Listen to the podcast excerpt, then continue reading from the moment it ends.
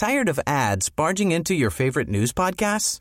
Good news. Ad-free listening is available on Amazon Music for all the music plus top podcasts included with your Prime membership.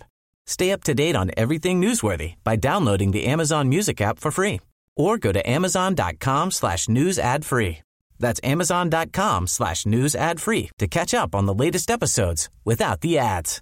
Hey, I'm Ryan Reynolds. At Mint Mobile, we like to do the opposite of what Big Wireless does. They charge you a lot, we charge you a little. So naturally, when they announced they'd be raising their prices due to inflation, we decided to deflate our prices due to not hating you.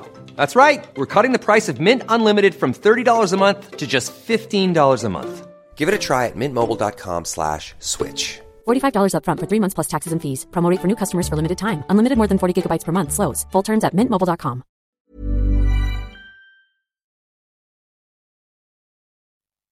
Du lyssnar på Nyans, en feministisk true crime-podd som går igenom uppmärksammade rättsfall och ställer sig frågorna Vad har hänt? Hur ser bevisläget ut? Hur resonerade rätten och varför? Hur har debatten efteråt sett ut? Vi följer FUP till domslut till rubriker, rapportering och reaktioner. Och målet med detta är att ge dig som lyssnar fler nyanser i ett annars väldigt svartvitt debattklimat. Och det ni kommer höra prata om detta i nyans är Hanna Bergvall, jurist och expert på den juridiska lingon. Karin Kajan Andersson, som är journalist och opinionsbildare och har en särskild förkärlek för att plöja domstolshandlingar. Och jag, Paula Dahlberg, som driver kontot Vardagsrasismen och har särskilda skills inom utvecklingspsykologi och retorik. Idag kommer vi prata om fallet Lotta Rudholm.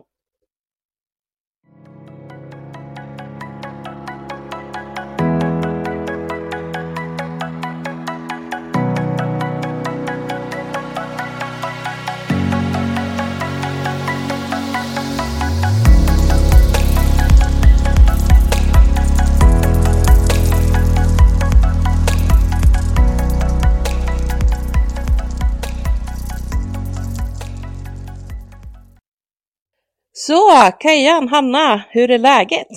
Hej! Det är bra. Ganska bra. Ja, nej, men det är bra. Tredje gången gilt nu. Så jäkla trevligt. Ja, det är fantastiskt.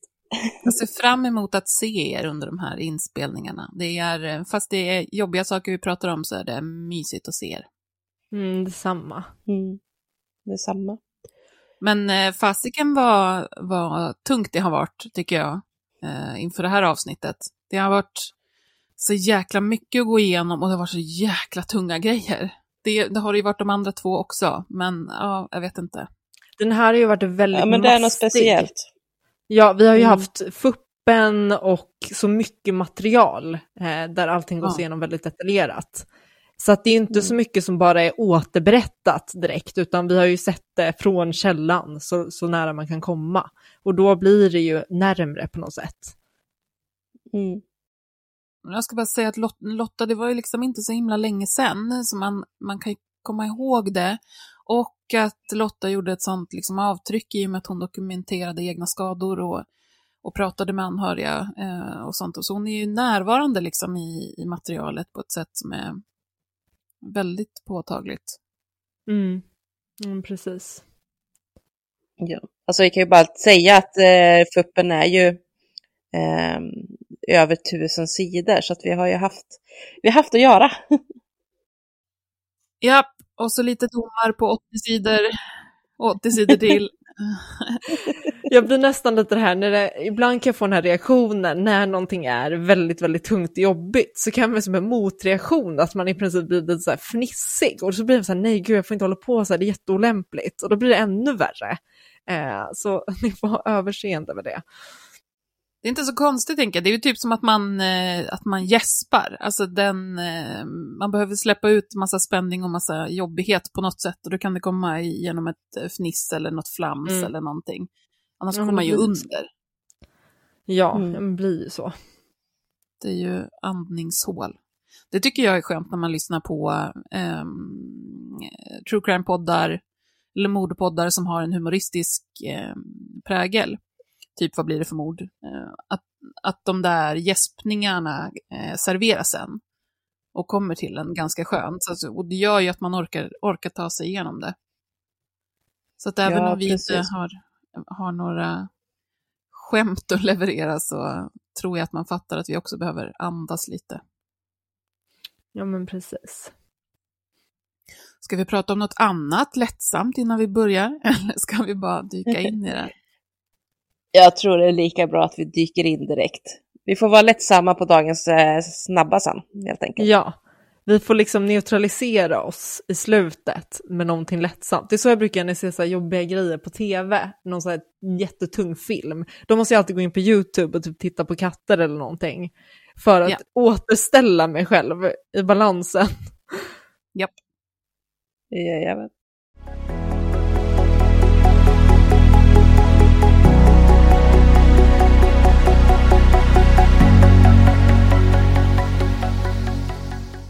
Nyans. Ja, men då börjar vi. Och som vanligt så kommer jag att gå igenom lite bakgrund och det här händelseförloppet då. Eh, innan Hanna sen kommer ta över med vad domstolen och domstolarna har sagt om det hela. Vi kommer prata om Lotta Rudholm idag som mördades 2016. Eh, Lotta och eh, mannen som mördar henne, Martin Jonsson, är mm, omnämnda vid namn flertal gånger. Väldigt, väldigt många gånger i, i media och eh, Lottas familj pratar öppet om henne. Så att vi kommer använda deras riktiga namn, Lotta och Martin. I bakgrunden här så kommer eh, två andra personer att figurera och de har vi påhittade namn på. Det är Lottas ex, hennes ex-sambo, eh, som vi kallar Jens, och eh, Martins andra relation, en annan kvinna som han har en, rela- en romantisk relation med och henne kallar vi för Anna. Men vi börjar, och det börjar egentligen mycket tidigare än det här, men i början av 2010-talet så flyttar Lotta från Härnösand till Stockholm. Eh, och det gör hon tillsammans med sin dåvarande sambo Jens. De flyttar isär efter ett tag, men fortsätter att umgås som kompisar.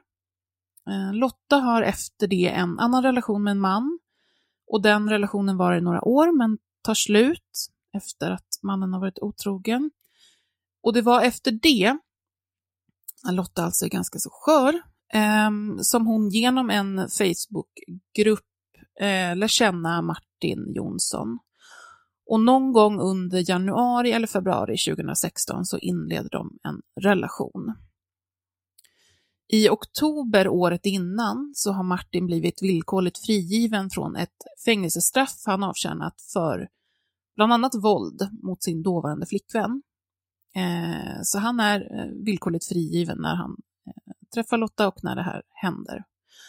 Men listan på de gånger som Martin har lagförts är betydligt längre än så.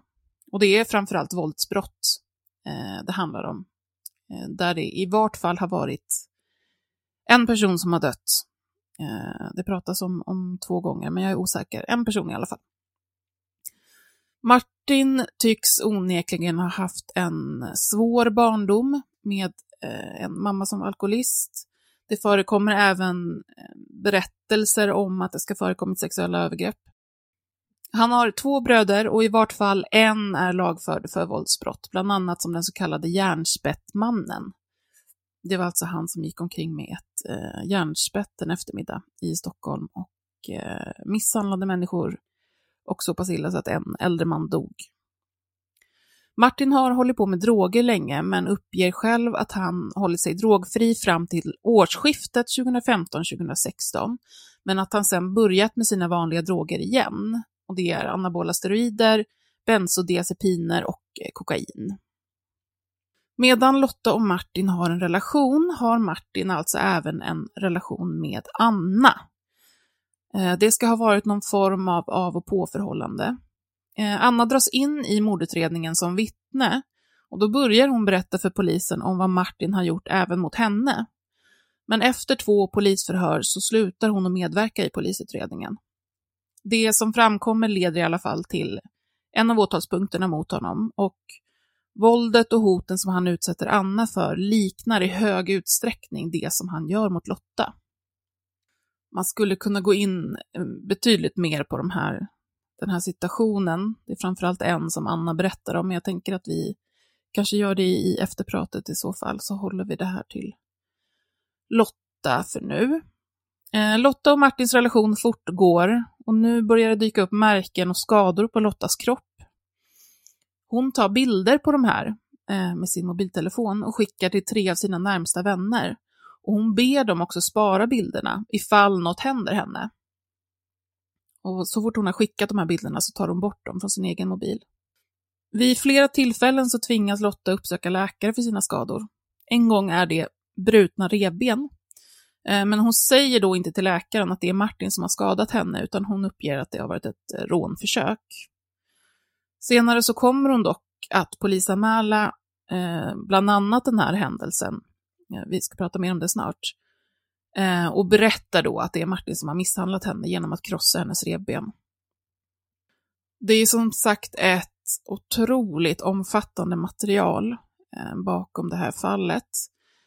Eh, och många eh, fruktansvärda händelser som, där, där det liksom eh, involverar andra personer än Lotta och Martin, så det finns ju väldigt mycket vittnesmål. Men för att ta som exempel eh, på en sån situation så eh, finns det en som involverar Jens, då, eh, Lottas ex-sambo. Och det är den första maj 2016. Eh, den händelsen resulterar i att Lottas ex Jens då ringer till polisen. Jens berättar då att Lotta ringde till honom på eftermiddagen vid halv sex och berättar att hon har träffat en kille och att han har sagt att han vill döda eh, henne, men även Jens, om det skulle vara så att Jens skulle komma dit. Jens blir naturligtvis väldigt orolig och åker hem till Lotta eh, direkt. När han är där ska Martin ha stått och skrikit och varit upprörd över att Lotta citat sugit av eller knullat Jens. Martin ska även ha sagt att han ska se till så att Lotta försvinner från Stockholm och senare att hans kompisar skulle ta ut henne i skogen, volta henne och sen gräva ner henne där.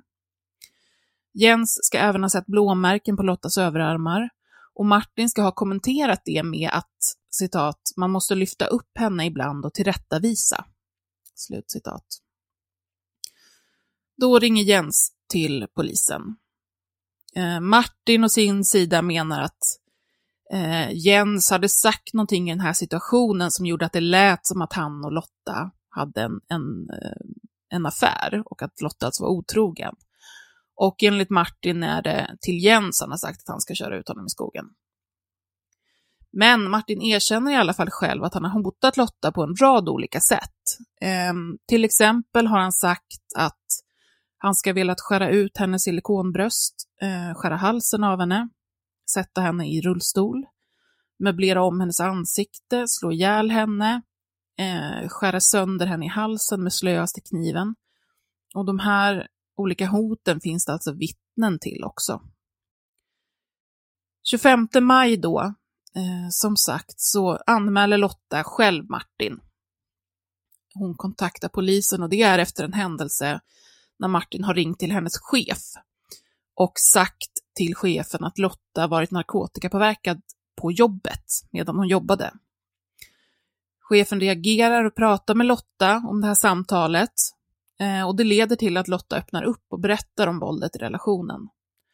Chefen säger då att Lotta absolut inte får åka hem till honom, eh, utan de ringer istället till Jens, som kommer till skolan. Och Lotta åker tillsammans med honom till polisen och gör den här polisanmälan. Lotta flyttar även tillfälligt in hos Jens. I polisanmälan så framkommer en rad situationer av allvarliga hot och misshandel. Martin har bland annat kastat ett glas på Lottas fot så att det gått sönder och skurit upp hennes fot. Eh, han har knäckt hennes revben med slag. Han har sparkat henne på rumpan så att hon blivit blåslagen. Han har tagit stryptag, sparkat på henne, tvingat henne att sitta på golvet som en hund. Han har slagit henne med knytnäv i huvudet så att hon har fått flera bulor. Han har hållit i en sked framför henne och hotat att plocka ut hennes ögon med den. Han har på väldigt många olika sätt sagt att han ska skada och ha ihjäl henne och hennes hund och hennes närstående. Han har också sagt till henne att skulle hon kontakta polisen så kommer Eh, det hända väldigt hemska saker. Men när Lotta då har gjort den här polisanmälan så är det någonting som händer med återkopplingen som gör att Lotta känner att de liksom inte har tagit hand om hennes berättelse. Hon känner att hon har öppnat upp och att det här sen inte har lett liksom till någonting. Eh, det här gör att Lotta inte längre vill medverka i anmälan. Hon säger att hon inte orkar och att det ändå inte kommer bli någonting i tingsrätten.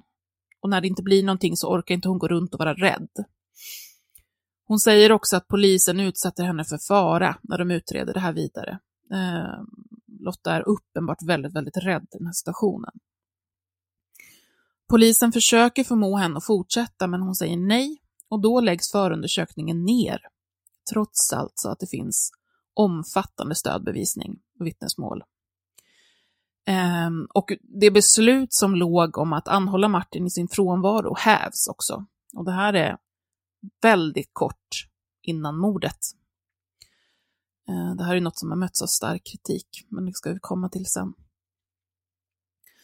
Lotta erbjuds på andra vägar ett skyddat boende, men där är hennes hund inte välkommen. Hon tackar därför nej till det.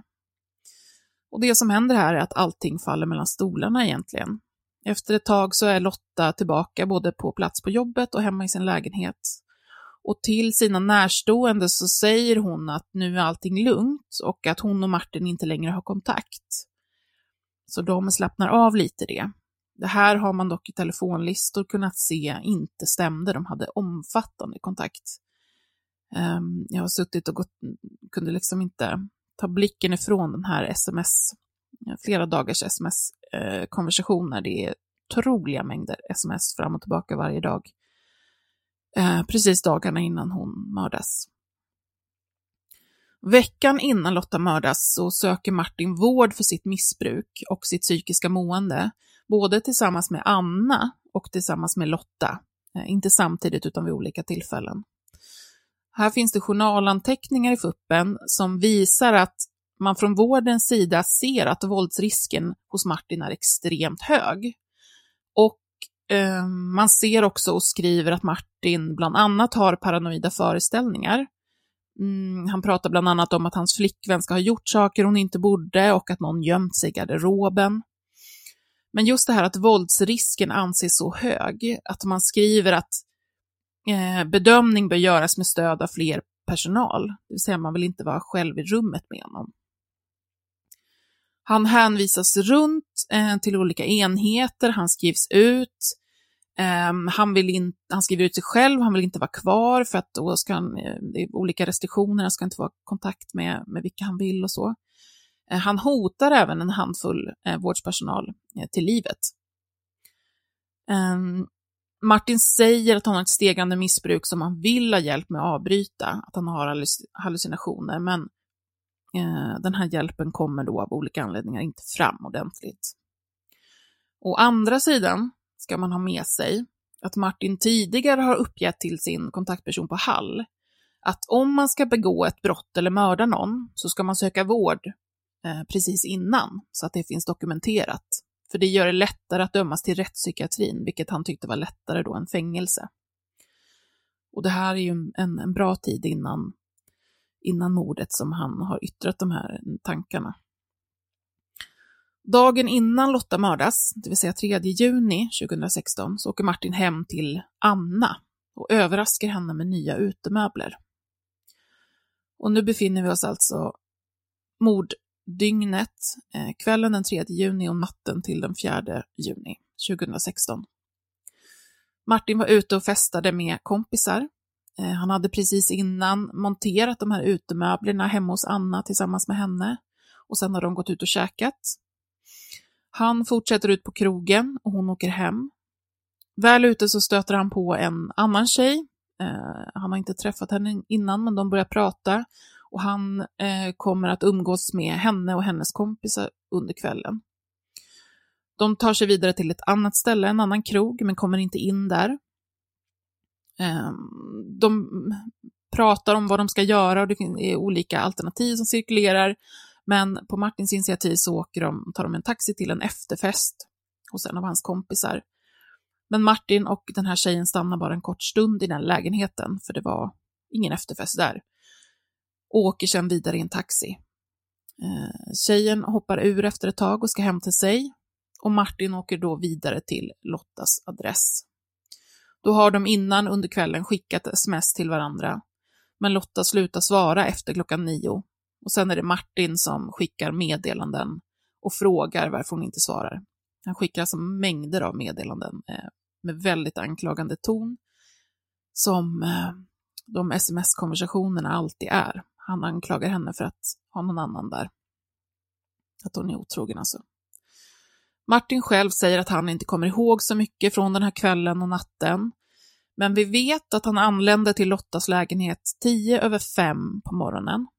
Det verkar som att Lotta legat och sovit fram till att Martin kom dit och att hon sen har släppt in honom i lägenheten.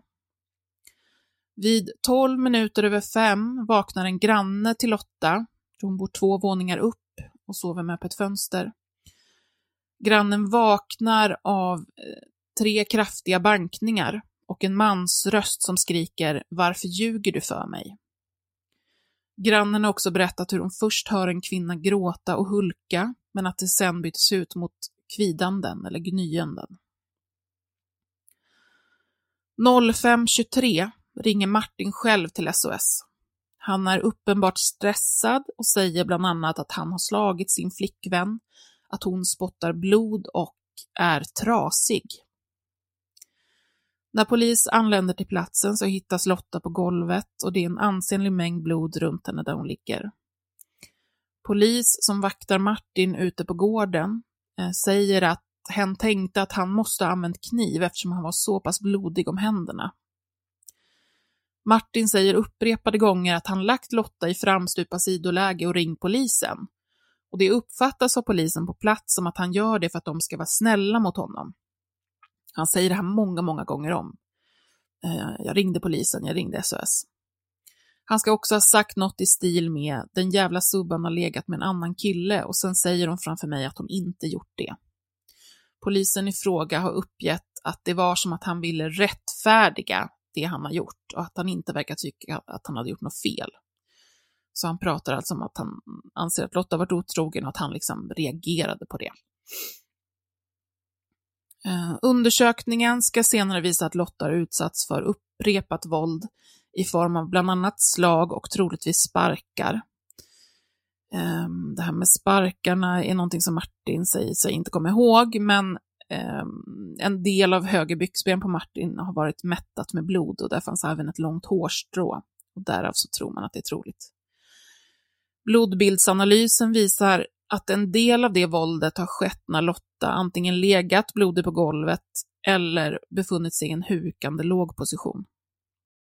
Poliserna som hittar henne berättar att hennes huvud är så pass svullet att man inte ser några ansiktsdrag överhuvudtaget. Det går inte att se vart näsan sitter, det är bara som en svart och röd boll. När man hittar Lotta så förs hon direkt till sjukhus, men hon avlider av sina skador den 7 juni 2016. Och de här skadorna som listas, de är eh, omfattande, massiva. Slagen är så hårda att ben gått rakt av. Allt våld är riktat direkt mot huvud och ansikte och hals. Martin har själv i polisförhör uppgett hur han citat, suttit och matat på henne. Rättsläkare uppger att dödsorsaken är de enorma hjärnskador som Lotta får av våldet. Eh, hennes skalle är bokstavligt talat spräckt och hjärnan eh, helt uppsvullen. Det står också klart att våldet är helt ensidigt från Martins sida och att Lotta inte ens haft möjlighet att försvara sig. Det ska sägas att vid den här tidpunkten så vägde Martin omkring 115 kilo och gick på anabola, eh, medan Lotta vägde 59 kilo. På bilderna som tas av Martin på arresten så syns hur hans händer framförallt den högra, är ordentligt svullna och blodiga. Det finns även intorkad vätska, såsom blod i hans ansikte, på händerna och foten och över hela hans kläder. Eh, blod och urinprov på Martin visar spår av såväl alkohol som flera narkotikapreparat. Eh, de här, eh, jag måste bara säga, det är svårt att läsa det här alltså. De här bilderna på Martin i fuppen eh, tyckte jag var skitsvåra att scrolla sig igenom. Han är ju alltså prickig i ansiktet av, av Lottas blod. Han har liksom inga egna skador. Um, och, och, händerna är liksom täckta med det här också. Det är, uh, ja, det är vidrigt. Vidrigt att se. Um, jag tänker kanske att vi, att vi stannar i det och så får du ta vid, Hanna, när det kommer till vad, vad tingsrätten säger om allt det här.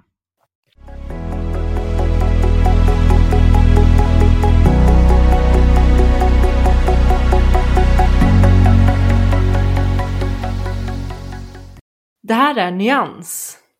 Ja, tack Kajan för den här genomgången. Det känns på något sätt som att du, du gör det, det svåra här, att behöva ta upp allting. Eh, det är lättare att lyssna, men än att behöva liksom prata om det så. Eh, jo, jag eh, tänkte gå igenom eh, framförallt hur tingsrätten resonerar eh, eh, kring liksom, bevisningen och sen det straffet han får. Han blir ju dömd i tingsrätten och han blir även dömd i hovrätten. Han, I tingsrätten blir han dömd till livstidsfängelse och i hovrätten så sänker de straffet till 18 år. Och efter att ha hört det Kajan berätta så känner man bara, nej, liksom, hur hur kan det gå till så här? Hur kan det bli så? Men det är det, det, är det vi ska gå igenom. Jag tänkte också prata eh, dels om de andra brotten som han står åtalad för, för det är nämligen en lång rad eh, en lång rad brott som han står åtalad för. Och eh, då är det grov kvinnofridskränkning. Och för, eh, utöver mordet då, och för att man ska bli dömd för grov kvinnofridskränkning så krävs det att man har utsatt eh, sin partner för ett upprepat, eh, upprep, upprepad kränkning av den personliga integriteten och att det då har varit ägnat att allvarligt skada hennes självkänsla. Och eh, jag, jag drar lite här, för att grov kvinnofridskränkning är egentligen exakt samma brott som grov fridskränkning. Och det är rätt intressant det man har gjort här, för man, man införde grov kvinnofridskränkning egentligen bara för att poängtera att det här är någonting som framförallt kvinnor utsätts för och att det har liksom ett pedagogiskt syfte att kalla det just grov kvinnofridskränkning. Så, och utöver att det jag precis beskrev så ska man också, våldet ska då ha skett mellan en, en, eh, mot en närstående och att relationen får inte heller vara helt kortvarig. Och tingsrätten ägnar ändå ganska mycket tid åt att resonera kring huruvida Lotta dels är när, närstående eh, till Martin och om de, deras relation har varit tillräckligt lång. Är det för att de inte bor ihop som de måste resonera om det eller? Exakt, exakt. För man, man brukar säga att när det är grov kvinnofridskränkning då ska man egentligen ha bott ihop. Men jag tycker att tingsrätten gör en väldigt bra bedömning som på något sätt känns modern. Dels så pratar de om maktbalans, vilket jag tycker är jättebra. Eh, och de säger också att även om de inte haft tidsmässigt en särskilt lång relation, så har det ändå inte varit upp till Lotta att jag avslutar relationen. Lotta har inte haft möjlighet att avsluta den, utan att hon har varit liksom helt i Martins våld kring hur lång relationen skulle bli. Och man anser också att det faktum att han avslutar den genom att han mördar henne och att relationen är kortvarig på grund av att hon blir mördad, det är rent ut sagt stötande att en sån sak skulle göra att han inte kan bli dömd för grov kvinnofridskränkning. Så att man, man säger också att huruvida, när det kommer just till det här med närstående, eh, tar de ju upp det här att de har haft, eller att Martin då hade flera relationer och det var lite av och på och sådär, men att man ändå ska se det ur brottsoffrets perspektiv. Och ur Lottas perspektiv så hade de då en relation. Sen tänkte jag också bara säga att eh, grov kvinnofridskränkning består egentligen av att en rad olika brott som har begått under en viss tid. Och då slår man, slår man in det här då i begreppet grov kvinnofridskränkning. Och det kan vara misshandel, det kan vara förtal, skadegörelse, eh, våldtäkt, allt möjligt. Och i det här fallet så är det ju då, det är ju misshandel, eh, det är skadegörelse, han har sönder hennes möbler och mobiltelefon och sånt. Och sen så eh, förtalar han henne och det pratade ju Kajan om, att han eh, ringde hennes chef. Så. Just det. Eh, och sa att hon knarkade i princip. Mm. Och det säger ju han själv också, att det gör han för att han tyckte att hon var så präktig. Och han ville Ja. liksom sätta henne på plats. Ja, ja men precis. Ehm, det här är sånt där ärende som man måste ibland bara ta lite, ta lite andetag så att det blir, blir rätt. Ja. Jag har skrivit ner så mycket anteckningar så att jag bara känner, "Uff, det här är ju helt rörigt, försöker få det eh, straighten it out. Jag såg det, och du skriver ner för hand också. Ja, jag gjorde det idag. Så har jag en rubrik som är bara irriterad. Där jag skrivit ner allting som jag är irriterad över. Så jag tänkte spara min irritationsrubrik till diskussionen sen. Men Ja. eh, nu, nu är det sagt om kvinnofridskränkning. Det stora här är ju mordet. Och här, det är inte någon diskussion egentligen om huruvida det här har hänt eller inte, utan Martin har ju sagt att han har orsakat henne de här skadorna. Och det, det räcker ju inte att man, e, han har inte erkänt mordet, men även om han hade erkänt mordet så räcker inte det för att man ska bli dömd, bara att någon erkänner. Men det är såklart starkt bevis. Men han erkänner inte att han har mördat henne, men han erkänner att han har utsatt henne för de här eh, skadorna. Eh, och eh, sen har man ju det här SOS-samtalet. Man har eh, eh, allt, allt blodstänk och trasiga möbler allting det i lägenheten. Och eh, sen har man ju den här grannen. Och här, jag, jag gillar inte att kritisera andra egentligen hur de har handlat i olika situationer när man själv inte varit där och det är så lätt att sitta och säga att ja, man borde gjort si eller så. Men jag kan ändå inte låta bli att känna en så stor frustration över att den här kvinnan har, grannen har hört den här misshandeln och bara vänt sig om i sängen, somnat om. Och jag bara känner att tänk om hon hade ringt polisen. Eller gjort någonting. Det var ju kanske inte bara den eh, grannen eh, som jag läste upp om också, utan det var ju, de har ju knackat dörr liksom och, och pratat med flera, och det är ju flera som har hört, och inte bara vid det här tillfället, eh, Nej, men utan precis. hört skrik eh, från Lottas lägenhet och hört, till och med sett liksom eh, saker Martin har gjort och, och sånt där. Eh, både av grannarna, men det är ju också av liksom, Lottas närstående, så det är ju liksom, ja. För rent krast, det här mordet hade inte behövt ske. Så. Mm. Hade någon agerat, då finns det en stor chans att man hade kunnat före, liksom, förebygga det här genom att polisen kom dit. Sen är det, ja, jag, jag kan inte låta bli att ändå ta upp det, att vi måste alla ta det här ansvaret. Att hör vi någonting, ser vi någonting, så, så agera.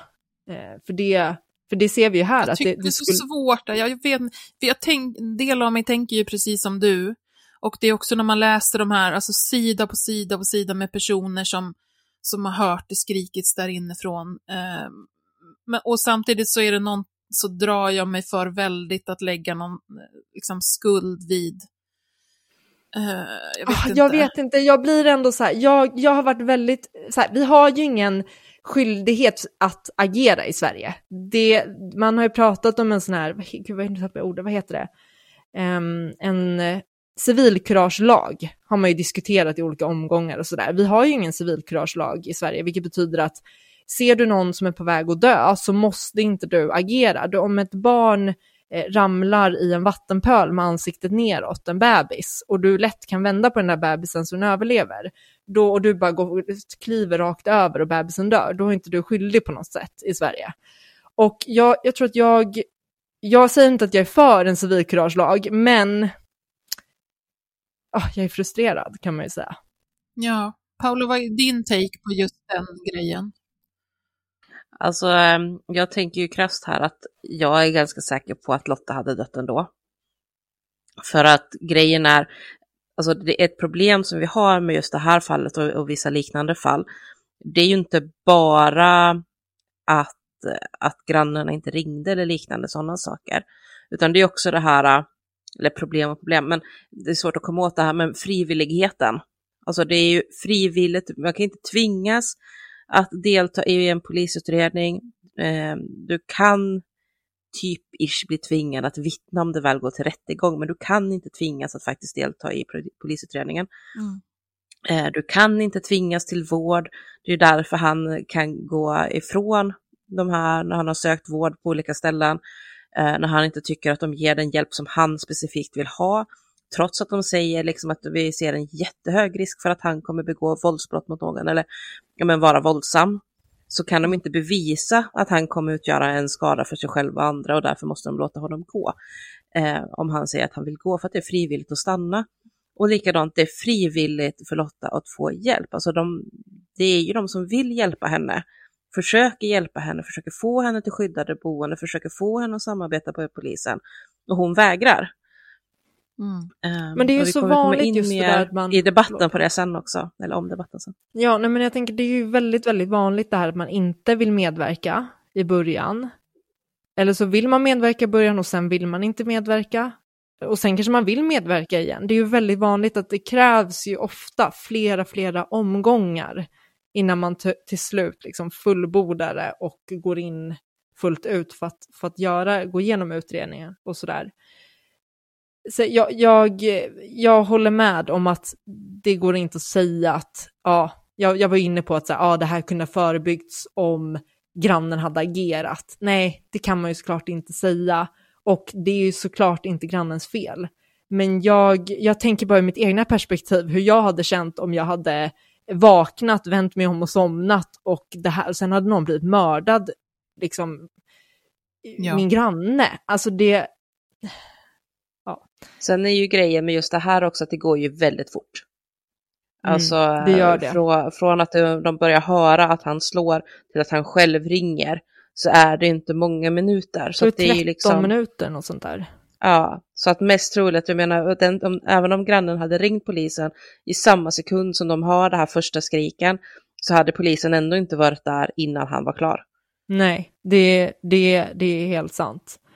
Nej, och, och stoppades just den där situationen så är det precis som du var inne på Paula också, att eftersom Lotta kommer tillbaka till det så skulle det komma en annan situation och en till och en till och en till. Ja, jag, det, så är det ju. Men, men jag håller med dig, eh, Mm. Hanna, för och, och det vet vi ju att det är ett, eh, det finns ett problem med att man är en passiv eh, bystander. Alltså så här, eh, situationer som man vet att människor har blivit nedslagna eller misshandlade på öppen gata eh, och personer runt omkring agerar inte för man tänker alltid att det är någon annan som ringer polisen eller någon annan har redan gjort det där. Alltså självklart finns det en, en problematik i det, att vi är väldigt passiva. Jag Och tror det att jag min tänker poäng... som man definitivt kan göra kring, kring liksom de grannarna till exempel och sådär, det är ju det här att säga, "Ja, men ring ändå. Och så Mm. ring varje gång, för det dokumenteras. Dokumentera själv. Börjar man liksom misstänka att jag bor granne med någon som blir misshandlad, men börja dok- dokumentera varje gång grannen kommer ut med blåmärken som hon inte borde ha. Alltså så, för att den dagen hon förhoppningsvis vågar lämna och anmäla Eh, så kan det vara en jättestor hjälp för att faktiskt skydda henne i det läget. Även om det inte kommer kanske skydda henne eller kunna förhindra ett eventuellt mord där och då så kan det hjälpa henne att komma loss och det kan hjälpa, gud förbjude, vid en mordrättegång. Mm. Ja, men så är det ju. Jag tror ändå att det jag någonstans vill komma till är just det här att är det så att man inte agerar och man skäms över det så tycker jag att då ska man, man ska skämmas. Hade man kunnat förhindra det och man känner skam över det, att man inte gjorde det någonting, så tycker jag det är fel av samhället att vara så här, nej men det, du, ska inte, du ska inte må dåligt över det här på något sätt. Alltså jag känner lite att nej, jag personligen hade ju mått skit, jag hade velat må skit över det. Eh, och jag tror att jag, jag, jag har en ganska personlig koppling till det här, för när jag, nu går jag, ja, nu, nu går jag förbi, går jag utöver lite det vi pratade om, men jag tycker ändå att det här är viktigt. För det var många år sedan så såg jag en misshandel när jag var på eh, tvärbanan som Stockholms spårvagn. Och jag satt på Mm. tåget, ja, det här måste ha varit säkert 15 år sedan, jag var ganska ung, satt, ja, jag kanske var 16, 16 eller 17 och det var en en liten pojke som miss, eller liten, han kanske var 12 och misshandlats av, av andra pojkar. Och jag satt på Mm. tåget och jag såg det här och tåget bara rullade iväg. Och jag, jag bara, vad, vad, gjorde, jag gjorde ingenting. Jag, jag satt och tittade på och sen bara rullade iväg och jag agerade inte. Och, och jag var så arg på mig själv efter det, att jag hade agerat på det Mm. sättet, att jag lovade mig själv att jag aldrig mer skulle, eh, aldrig mer skulle agera på det här sättet, det vill säga att inte agera alls. Och jag kände så mycket liksom, skam över den situationen. Så den, den situationen har präglat mig väldigt mycket tror jag, i hur jag ser på Ja. de här sakerna. Eh, så. Och efter det, och jag har ju verkligen tränat upp den här förmågan att vara en person som agerar. Eh, så. Och, och då kan jag också känna så här, ibland en frustration över att man, är en, att man blir väldigt ensam när ingen annan agerar. Det är, det är ingen annan granne som står och knackar på hos liksom, eh, de där nere 05 på morgonen. Och ja, jag vet inte. Det, jag känner mig helt så här röd i ansiktet när jag pratar om det här.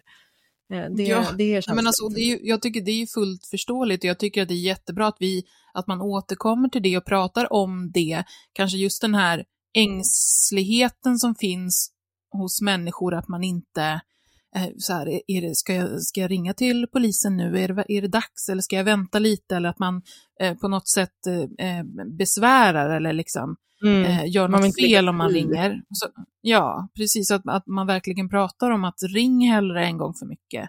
Eh, och att det är det de är till för och det är inte du som ska eh, avgöra om det här var nödvändigt eller inte, utan det är, det är de utbildade till att göra, utan du ska bara larma om det du ser. Du behöver inte göra en egen utredning, eh, utan bara Nej. larma eller berätta om det du ser.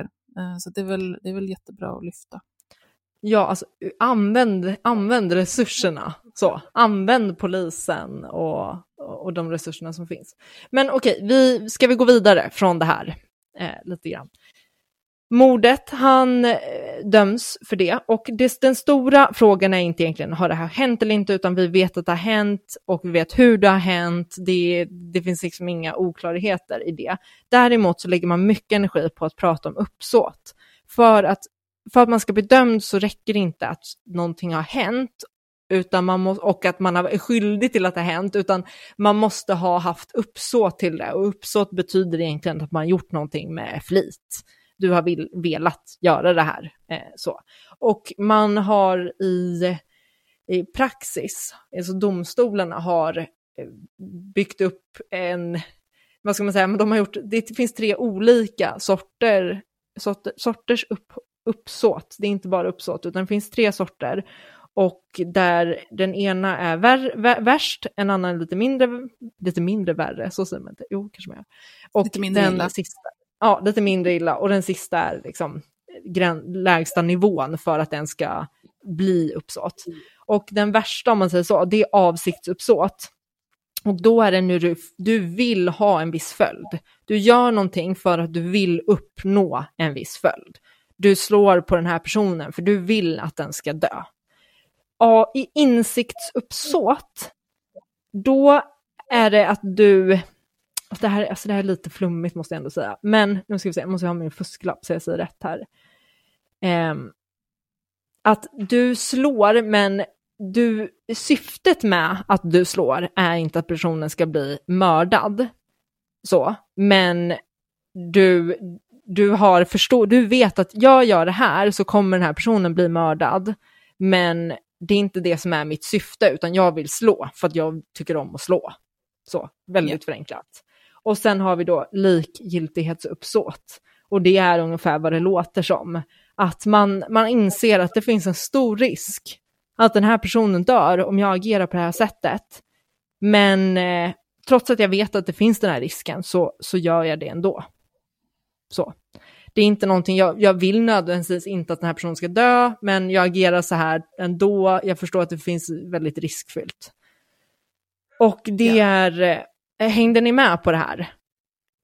Jajamän. skillnaden. Jag, jag vet, jag har behövt läsa om det här hundra gånger, för jag bara, det, blir- det blir lite flummigt ibland. Men ha- han döms för likgiltighetsuppsåt. Man anser alltså att han inte har haft avsikten att hon skulle dö. Det har inte varit hans poäng. Han har inte kommit dit med tanken att jag åker till henne för att jag ska mörda henne.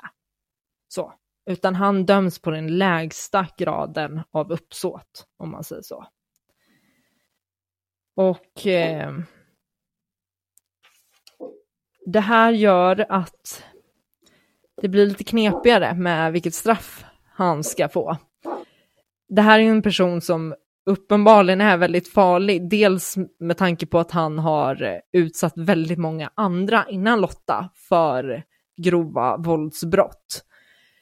Så att det är ju en person som man helst skulle hålla borta från samhället. Det tingsrätten gör när de ska värdera vilket straff han ska få är att man tittar på om det finns några förmildrande omständigheter och det finns det inte. Och då säger man inte ens det här larmsamtalet som skulle kunna tolkas som förmildrande, att han ändå påkallade eh, liksom SOS och att ambulans skulle komma. Men man säger att nej, det, inte ens det är förmildrande, det finns inga förmildrande. Och sen kollar man på försvårande omständigheter och det menar man på att det finns. Jag ska också säga att eh, när det kommer till mord, då är utgångspunkten att det är 14 år. Det är ett, ett vanligt, inom citationstecken, vanligt mord är 14 år. Är det, finns det försvårande omständigheter så kan det bli upp till 18 år och finns det förmildrande omständigheter så kan det bli eh, hela vägen ner till 10 år. Sen kan det också bli livstid, om vi ska gå in på det det eh, som gör att det kan bli försvårande är ju det här uppsåtet om avsiktsuppsåt, exempelvis den svåra varianten, jag är en sån här omständighet som gör att det ses som värre. Men här finns det ju inte det. Ja, man... Nu är jag... Nu ska vi se. Nu har jag skrivit att det finns försvårande omständigheter, men jag har inte skrivit ner vad de är. Um, Nej, men, och det var väl de försvårande omständigheterna var väl del, dels att eh, det var i Lottas hem. Jo, jo, men precis. Nu hittar jag det vi skrivit ner det. Ja. Mina röriga anteckningar. Det är mycket så här pilar åt olika håll så jag ska följa efter den här vägen. Upprörda pilar. Ja, nej men det som är försvårande är eh, att det är hennes hem, och att det, hon har varit i fysiskt underläge, hon vägde ju mycket, mycket mindre och att det har varit oprovocerat. Eh, och sen han, blir han ju också dömd för grov kvinnofridskränkning och sådär. Men eh, man anser inte att de här försvårande omständigheterna är sådana att det skulle kunna bli livstid. När det är livstid så är det ofta att man, eh, till exempel om man mördar två personer samtidigt, då blir det nästan automatiskt livstidsfängelse. Så tingsrätten säger att ah, nja, det, når, det når inte riktigt dit till livstid. Men... Tingsrätten tyckte väl det? Ja, ja nej, men tingsrätten säger att de försvårande omständigheterna räcker inte för att det ska bli livstid, enligt tingsrätten. Men ja. de dömer honom ändå till livstid med motiveringen att han är så pass farlig egentligen att det krävs att någon gör en form av riskbedömning för att han ska släppas ut ur fängelset. Han, han ska inte roma runt i samhället utan han måste hållas borta från samhället och man måste på något sätt se att han rehabiliteras för att släppas ut. Och därför så döms han till livstid. Och tanken är så här, när man döms till livstid, då tror, det låter ju som att man sitter hela livet, men det gör man inte, oftast inte, utan att man sitter tio år. Sen kan man efter tio års tid så kan man ansöka till Örebros tingsrätt om att få eh, ett, tidsbestämt, ett tidsbestämt straff. Så då kanske det blir, nu, nu, nu hittar jag bara på det, kanske blir 35 år eller 28 år eller sådär. Men då gör Örebros tingsrätt eh, då tittar de på hur, hur han har skött sig och eh, ja, men de tittar på massa grejer, gör någon form av riskbedömning. Och det är det som tingsrätten vill komma åt. Problemet är bara att det här är någonting som tingsrätten har eh, hittat på och bara dragit, dragit fram med rumpan i princip för att det känns, det känns bra. Och jag fattar det, jag, jag känner med tingsrätten det känns rätt, men, men juridiken, det finns inte utrymme för att det ska kännas rätt, utan här tittar man på vad, hur, hur praxis ser ut och lagen ser ut och det finns inte stöd för att döma någon till livstidsfängelse på grund av det här med riskbedömning. Och tingsrätten kan inte hitta på såna här grejer.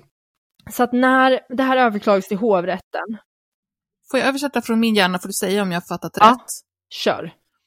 Eh, tingsrätten bedömer inte att det finns tillräckliga skäl, eh, som, alltså försvårande skäl, att höja straffet till livstid.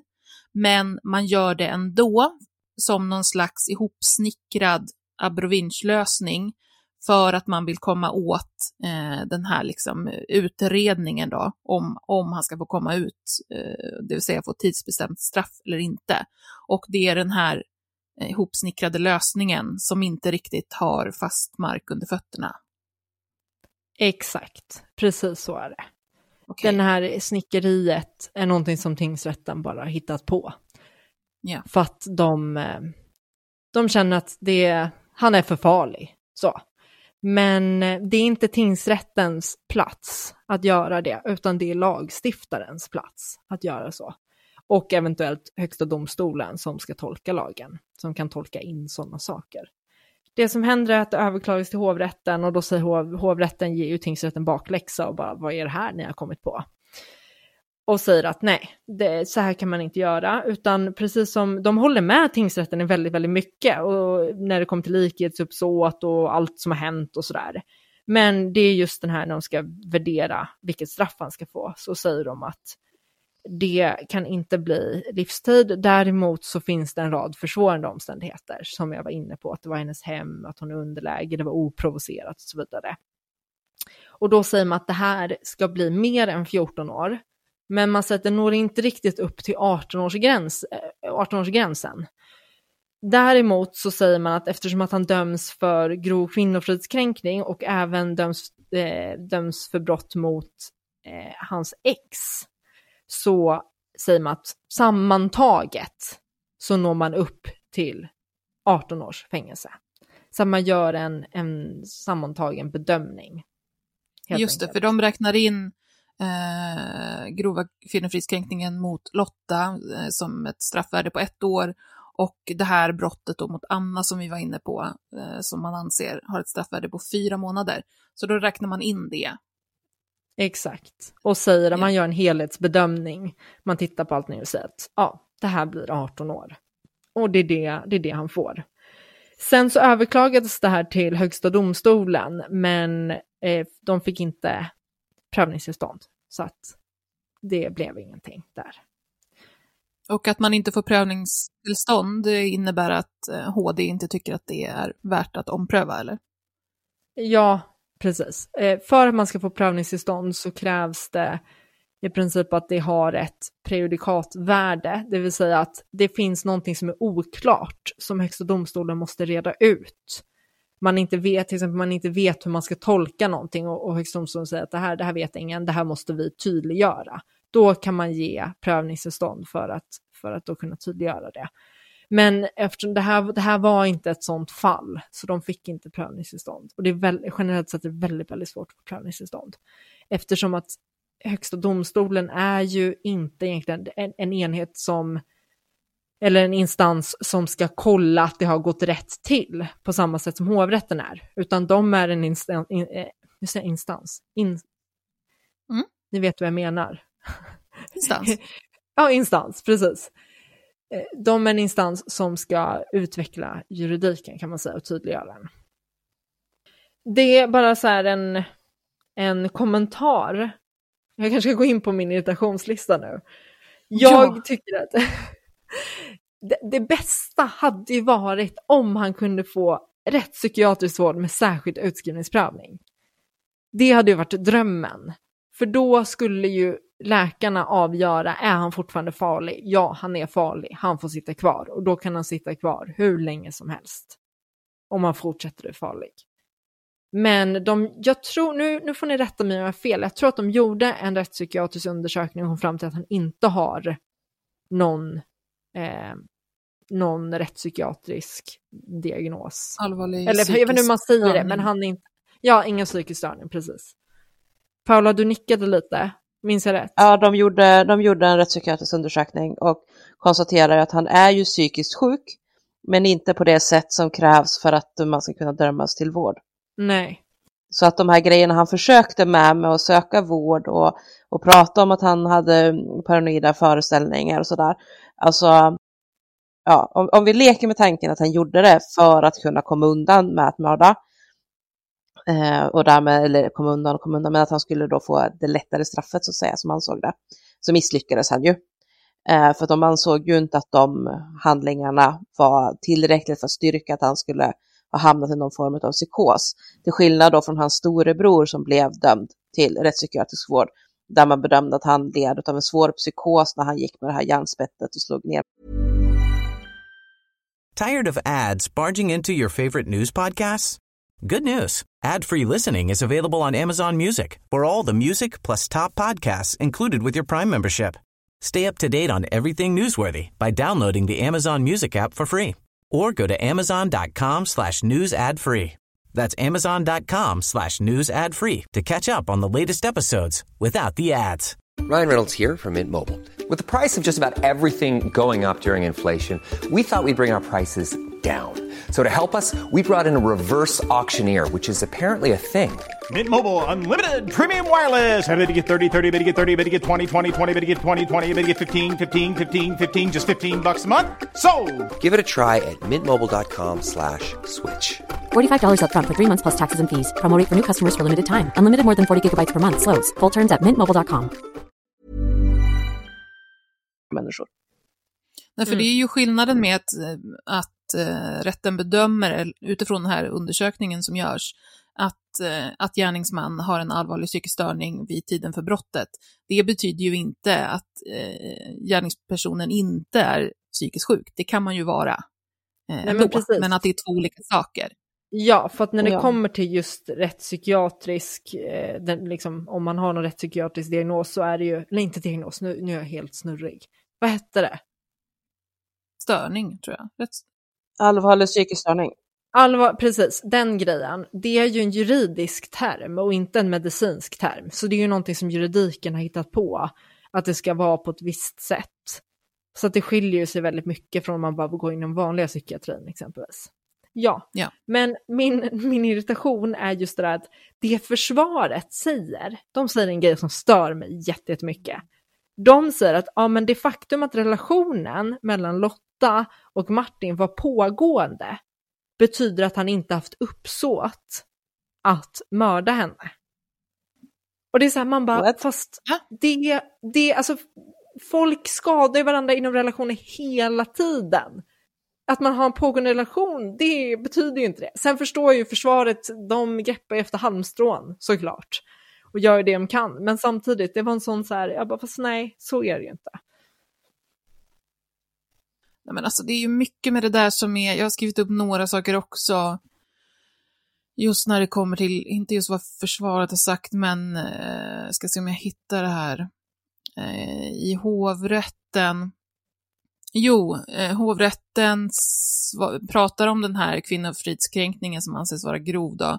Och så skriver man att mot den bakgrunden och med hänsyn till vad som har framkommit om det våld som Martin Jonsson har utövat mot eh, Lotta Rudholm vid gärningen måste det antas att hon i vart fall under en kortare tid haft dödsångest innan hon tappade medvetandet. Och det här med eh, om, om offret har haft dödsångest eller inte vägs ju in liksom, i allvarlighetsgraden. Men jag vill bara skrika att nej, för att personer som Lotta, Lotta och personer som henne som befinner sig i långvarigt, allvarligt psykiskt och fysiskt våld, inklusive dödshot, de har dödsångest under en väldigt lång tid. Under en väldigt utdragen tid. Inte enbart under en kortare. Alltså hon gick ju, eh, och det stöd, den här stödbevisningen och genom vittnena och det, de hon har pratat med som både är liksom inom vården och polisen vittnar ju om det här att hon fruktade ju för sitt liv jättelänge. Jag tyckte bara att den formuleringen på något sätt, ja, men jag vet Jag inte, skvallrar om hur dålig kunskap man har om, om de här eh, Ja, situationerna jag, på jag, något sätt. förstår, jag förstår vad du menar. Jag tänker bara samtidigt att det jag tror man menar på är att det är skillnad på just den ångesten man känner i ögonblicket. Som nu kommer jag dö, här och nu kommer jag dö. Jag tror att det är Mm. den ångesten de tar sikte på, att, att de menar på att det är skillnad på den ångesten och den andra dödsångesten. Däremot så tycker jag att man borde kunna ta hänsyn till den vanliga så att säga dödsångesten som hon kände dag, dagligen. Så, det, det borde man kunna Ja, men alltså in. dels Men- dagligen, men sen har ju hon blivit svårt misshandlad av honom väldigt många gånger om. Jag menar, sitter en, en person på anabola och 115 kilo framför dig med en sked och säger att man ska gröpa ur ögonen på dig. Alltså Ja. hon måste ju känt så här, i den här situationen, eller nu när han slår mig, nu dör jag. Den måste ju hon ha känt upprepade gånger. Liksom. Ja, det tycker jag man kan ta in när man pratar om grov kvinnofridskränkning. Men när det kommer till själva mordet, då tycker inte jag att man kan räkna in de händelserna som försvårande för mordet, utan de går in i att det liksom i grov kvinnofridskränkning, tänker jag. Mm, jag fattar att det, att det blir två, som två olika fall. Liksom. Ja, det är det jag tänker. Men jag förstår vad du menar och jag håller med om att man känner så här, bara, men vadå, vadå kort tid? Varför tar ni inte upp all den här andra dödsångesten som hon kände också? Ja, men jag tror att det är sammantaget för att man, när man också i hovrätten pratar om det här, hans, hans tidigare begångna brott och sånt, och, och i det så, så tycker jag att man negligerar för mycket det faktum att han är dömd eh, och liksom har utsatt närstående kvinnor för samma saker flera gånger om. Han är, han är ute på villkorligt för just en sån dom. Eh, men man pratar ändå om att de grövsta av hans eh, våldsbrott, då är det de här misshandel, de här eh, i princip överfallsvåld mot, mot män. De var ju ganska lång tid tillbaka, så jag tycker att det finns en genomgående negligerande av det här våldet, den här terrorn som han utsätter kvinnor för. Och det är säkert därför jag reagerar extra mycket på den biten också. Jag, säga att jag, jag håller med dig Kaja, så att det, jag störde mig också. Jag reagerar mycket på det, just det här att, att de säger liksom att nej, men han har inte dömts för något grovt våldsbrott eh, i, i nutid, utan det var ju liksom tio år sedan eller mer än tio år sedan. Och man bara, fast det, det liksom grova kvinnofridskränkningen han var villkorligt frigiven ifrån var ett grovt våldsbrott. Det är liksom, jag har läst även kring den domen och, och det var ju liksom en väldigt systematisk misshandel som han utsattes, det, det exet för, inklusive liksom igen knäckta revben och, och grejer. Så att det är liksom, det var inget litet våld och att då säga typ att det inte är grova våldsbrott för att det gick under grov kvinnofridskränkning istället för grov misshandel är helt absurt för mig. Men det tycker inte jag riktigt att de säger. Så jag bara tänker så här, det är hovrätten, jag, tar upp, jag ska bara ta upp deras dom. För att jag, som jag förstår det så säger de att det som är det, det, det värsta våldet är den grova fridskränkningen. Men nu blir jag lite förvirrad här. Vilken är det de syftar på när de skriver den grova fridskränkningen? Är det den mot, Den mot mot Lotta. Lotta? Det är den mot Lotta. För jag tänker det är konstigt att de inte skrivit den grova kvinnofridskränkningen. De kanske bara missade det ordet. Men Ja, det, de fast säger det står genomgående, grova fridskränkningen. Jag tänkte också på det. det är lite konstigt. Mm. Ja, men det, alltså det de säger på ett ställe och skriver ut, ehm, fasiken, jag ska hitta det, jag har skrivit upp det här någonstans. För det, för det, bara det jag läste här är att så här, enligt eh, eller så här, det brott som bör påverka den samlade straffvärdet i höjande riktning är främst den grova fridskränkningen. Och då förstod jag det som att den grova fridskränkningen mot, mot Lotta är den som kommer göra att straffet höjs och inte den, den brottsligheten som låg längre baks i tiden mot de här olika männen. Nej, men det är när de resonerar kring tingsrätten dom. Eh, och det här att tingsrätten tittade på tidigare domar eh, och liksom eh, ju ville få med det här att han skulle få särskild prövning för att bli fri.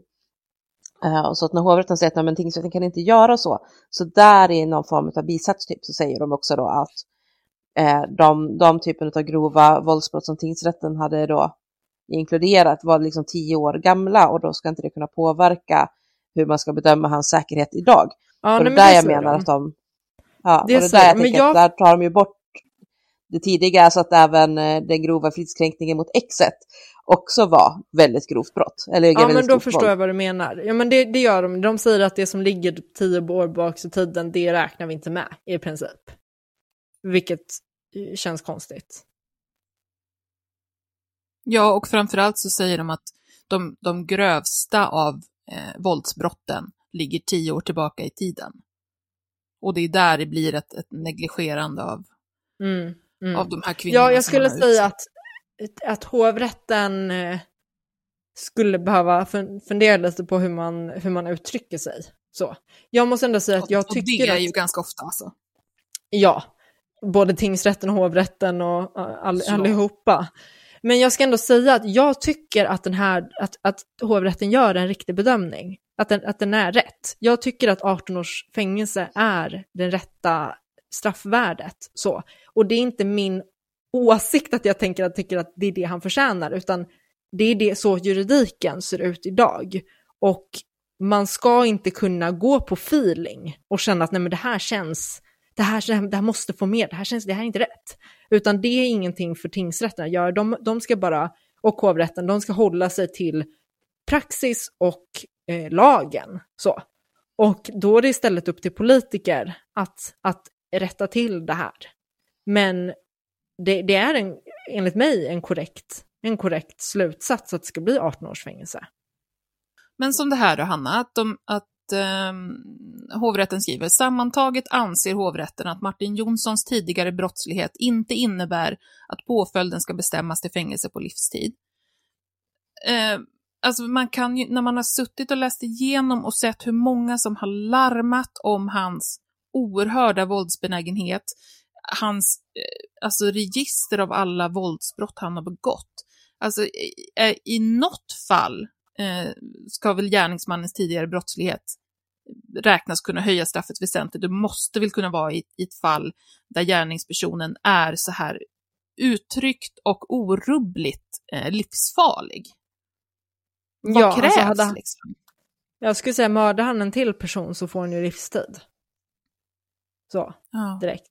Skulle jag vi säga. vänta på det då? Samtidigt där gör det här hans andra mord. Ja, alltså han är ju inte dömd Eventuellt för... tredje.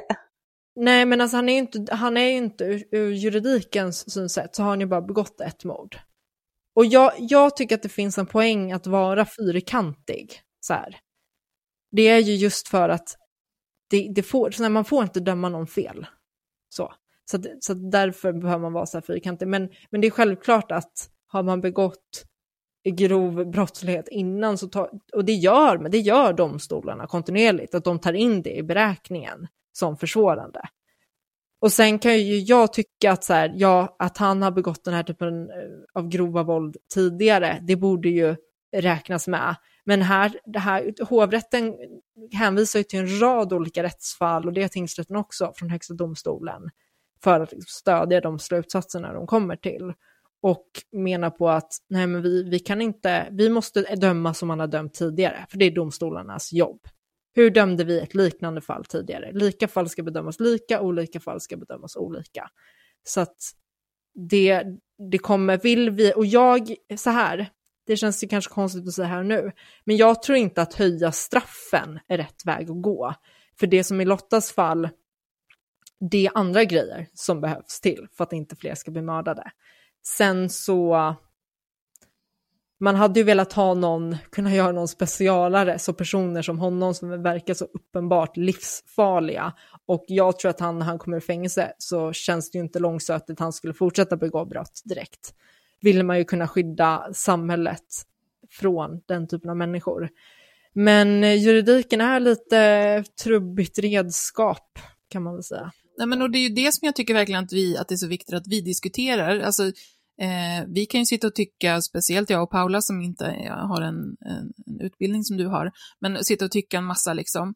Eh, men att, att se hur lagarna fungerar i verkligheten eh, och där man tycker då också kunna kritisera hur lagar är utformade, för det är ju också, även om lagarna är satta nu och sånt, så, så är det saker som kan och bör i vissa fall förändras, förtydligas, eh, omformuleras eh, och så vidare. Så det är ju precis det vi ska liksom hitta. Tycker vi att, att de har dömt rimligt utifrån hur lagstiftning och praxis ser ut nu? Kan svaret vara ja. Eh, men tycker vi att det är någonting som bör förändras i det och vad skulle det liksom i så fall vara?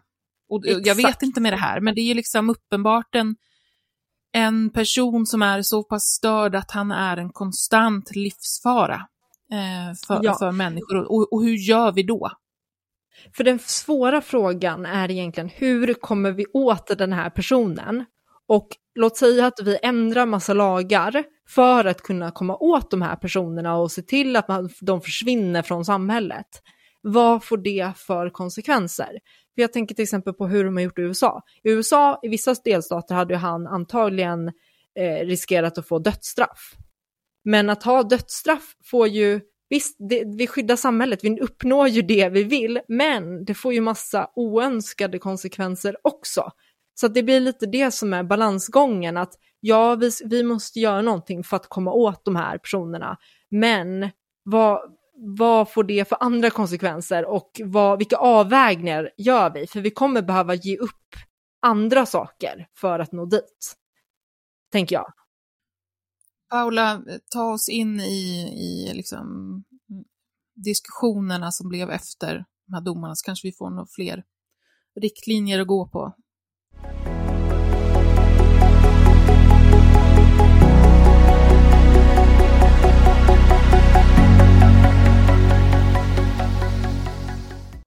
Du lyssnar på Nyans.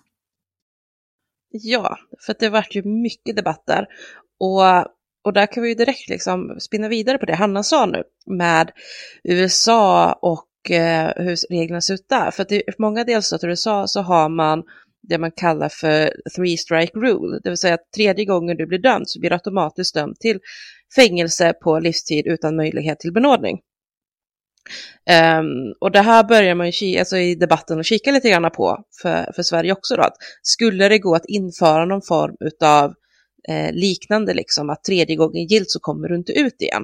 Det som har varit ett problem, eller som är ett återkommande problem i just USA, som vi inte ska ta efter då, det är att de har satt det för alla brott, vilket betyder att åker du in, alltså döms du eh, en gång för snatteri och sen döms du en gång igen för snatteri och så kommer du tredje gången med typ ringa narkotikainnehav som egentligen bara är ett bötesbrott liksom, så kommer du fortfarande åka in på livstid utan möjlighet att komma ut igen.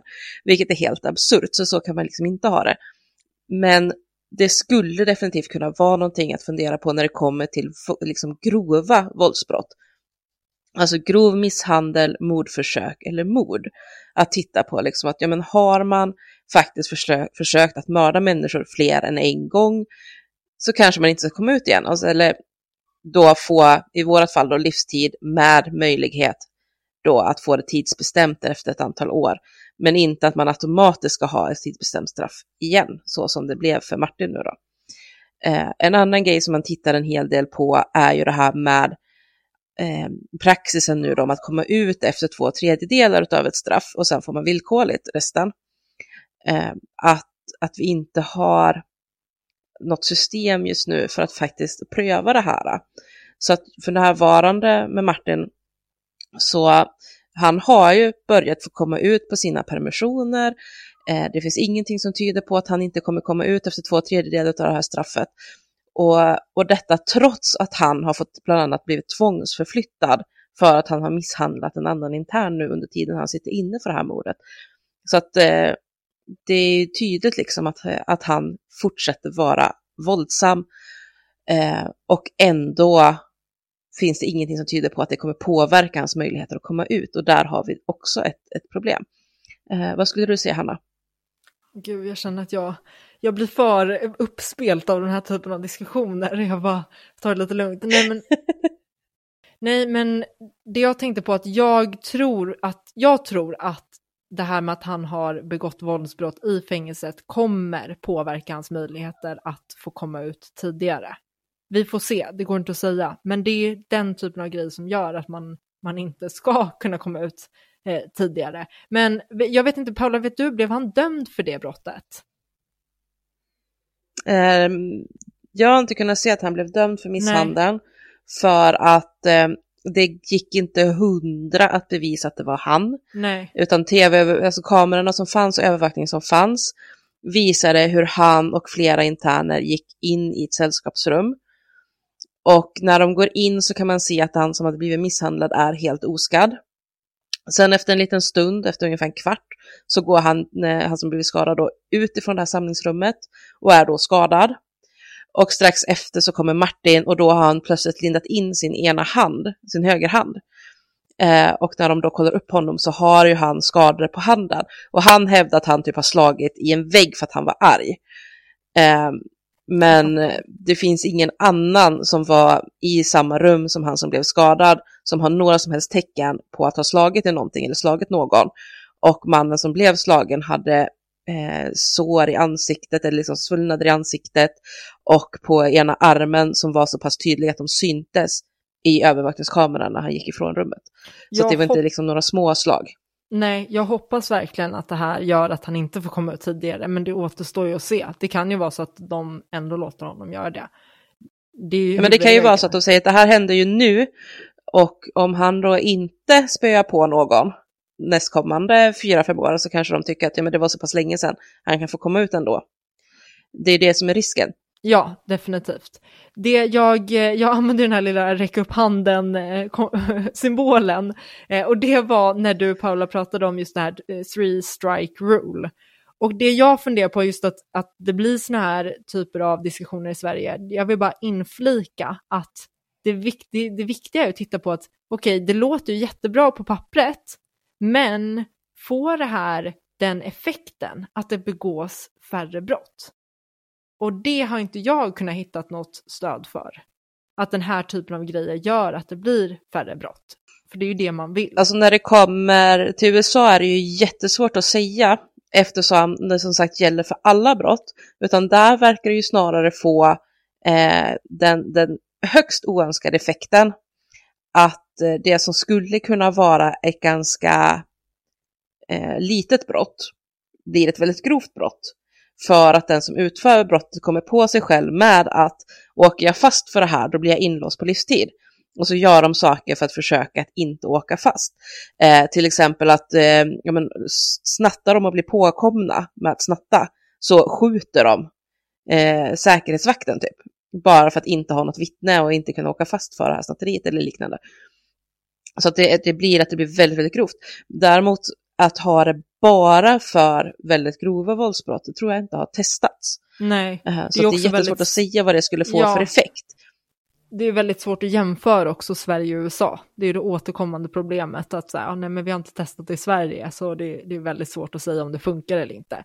Men min uppfattning av den liksom, kriminologin som jag har läst är ju att att strängare straff, det finns, inget, det finns inget tydligt bevis för att strängare straff leder till färre brott, utan tvärtom så finns det flera som hävdar att det, att det får motsatt effekt. Och, eh, och det gäller ju framför allt den typen av brott som inte från början är grova våldsbrott. Alltså sätter du in jättehårda fängelsestraff helt plötsligt för typ narkotika eller vanlig misshandel, eller om man ska säga, misshandel av normalgraden och så vidare. Där finns det risk att väldigt hårda straff får en motsatt effekt, att man begår fler brott eller grövre brott för att inte åka fast. Precis som det här uh, three strike rule får effekt i USA. Eh, men när det kommer till eh, typ mord eller liknande, då är det ju lite sådär att de allra, allra flesta som begår mord, de gör det bara en gång. Återfall för mord är jättelågt. Eh, men de som väl kommer i återfall, alltså som begår våldsbrott på det här sättet gång på gång, de ändrar sig inte. Och då blir det lite det här att ja, enda sättet då att skydda allmänheten från de här personerna, det är ju att de inte får komma ut igen. Det mm. kommer inte att påverka brottsligheten på det stora hela. Men det kommer att göra skillnad med just de här specifika fåtalet individerna som inte är förmögna att ändra på sig när det kommer Nej. till sin våldsanvändning. Och det är de som man hoppades på att eh, de skulle kunna hamna på rättspsyk istället med särskild utskrivningsprövning. Och en del gör säkert inte det, men uppenbart eh, hamnar inte alla där. Det jag har eh, läst är att för, de, för, för mord och de absolut grova brotten så har det ingen betydelse vad det finns för straff. Utan att man, man gör liksom inte den bedömningen att så här, åh, ska jag mörda någon? Nej, det, det är det är livstid istället för 18 år, så att jag avstår. Man gör inte den typen Nej, av, av bedömning, så att eh, oavsett om det är dödsstraff så kommer inte dödsstraff göra att människor väljer att inte mörda. Det, våldet går, minskar inte, utan tvärtom. Jag, jag läste jättemycket om dödsstraff just i USA för att jag var där och eh, gick en kurs om det och bla bla bla. Kan berätta mer om det sen. Men att tvärtom så ser man att våldet kan till och med öka för att samhället blir på något sätt hårdare och kallare, klimatet i samhället av att man har dödsstraff. Det är lite intressant Precis. att det kan få den effekten. Ja, men det är ju där vi hamnar någonstans, liksom, i att antingen så måste det in att ja, men är man uppenbarligen livsfarlig för sin omgivning efter flera avtjänade fängelsestraff, ja men då, då kanske man nästa gång man liksom försöker slå ihjäl någon eller faktiskt slår ihjäl någon eller sådär, eh, inte ska komma ut igen. Och om det sen innebär att man får livstid fängelse med särskild utskrivningsprövning eller rättspsykiatrisk vård med särskild utskrivningsprövning, alltså effekten är ju lite detsamma. Så, ehm, så att jag känner att det kanske är lite egalt. Problemet är ju för att kunna få in att man då ska hamna på rättspsyk så kommer vi behöva börja ändra lite grann också på vad som ska räknas som en allvarlig psykisk störning, vilket sen, sen då får helt andra effekter. Så det är ju ja, ja. Det är inte lätt hur man än vänder på det. Nej, man vill ju inte råka skicka fler personer till rättspsyk som inte ska vara där. Jag vet inte, det, det kom en, en dokumentär på P1 för ett tag sedan om personer som har åkt dit för olika narkotikabrott och haft ett missbruk och hamnat på rättspsyk och sen blivit kvar där i liksom, 20 år i princip trots att de, de skulle ha blivit dömda till kanske två månaders fängelse så hamnar de på rättspsyk och kommer aldrig ut igen på grund av den här särskilda utskrivningsprövningen och missbruket som de inte blir av med. Så att, så att det, ja, det finns ju risker också med det. Precis. Eh, sen när den här debatten var som starkast då precis i samband med att han, ja, bordet hade skett och han sen dömdes och sådär, så det, det jag kände absolut störst frustration kring då och fortfarande gör nu när jag satt och gick igenom lite igen allt som skrevs och sådär. Det, det var ju det här eh, från, många, från många håll och framförallt från väldigt många män. Att man liksom så här lyfter det här fallet och bara vi, vi måste lära oss.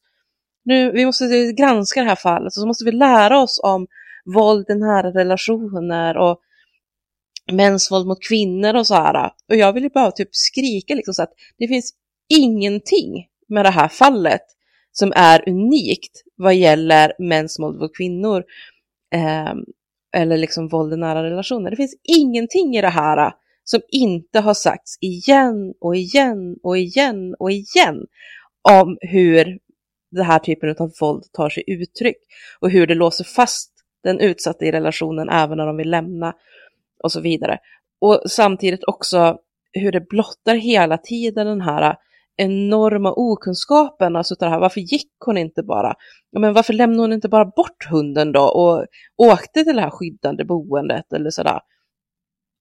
Ja, jag läste till exempel en, en grej i, i Huskurage, alltså boken Huskurage, om, om det här med att ringa på eller att liksom bryta in när någon blir misshandlad.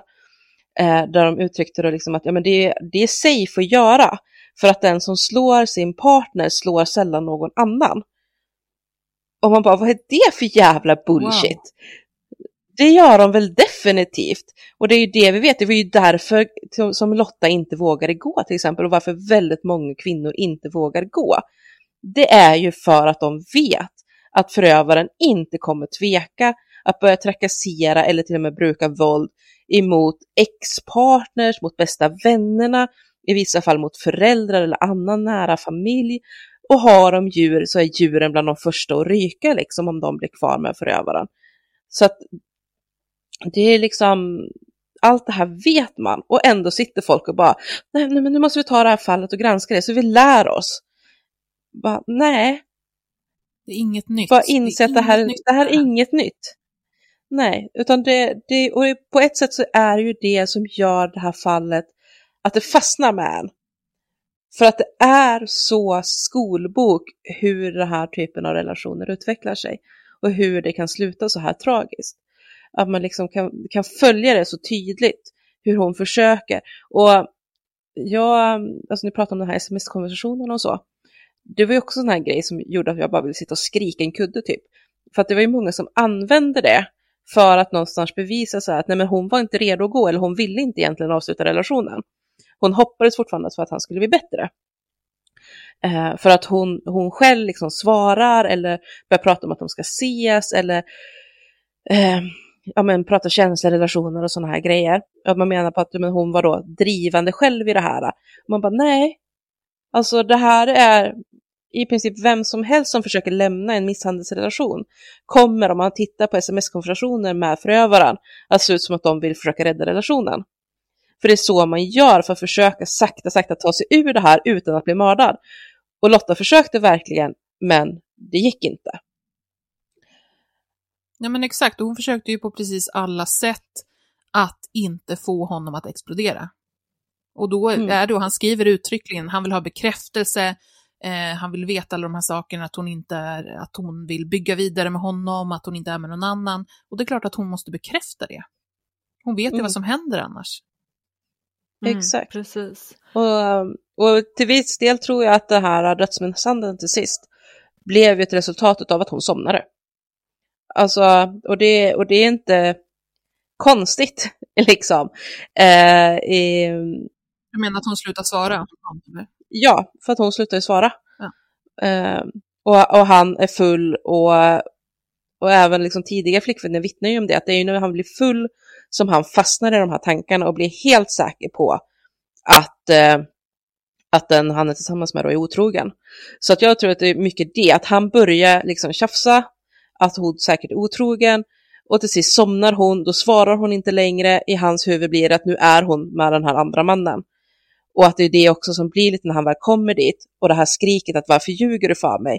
Och det här han säger sen också till polisen hela tiden att hon har varit med någon annan och hon ljuger för mig är ju antagligen att han spelar upp att den här perioden då hon inte svarade tills han kom dit så var hon med någon annan. Och att hon säger att hon inte var det, det, vägrar ju han att tro på. Eh, för hon svarade ju inte. Det är hans liksom psykiskt störda värld så finns ju inte att hon hade kunnat somna. För hur kan hon somna när han vill prata med henne? Eh, ja, att hon slutar svara är bevis nog. Precis. Eh, men sen är ju hela det här fallet liksom, från att det här Martin är ett femårigt barn.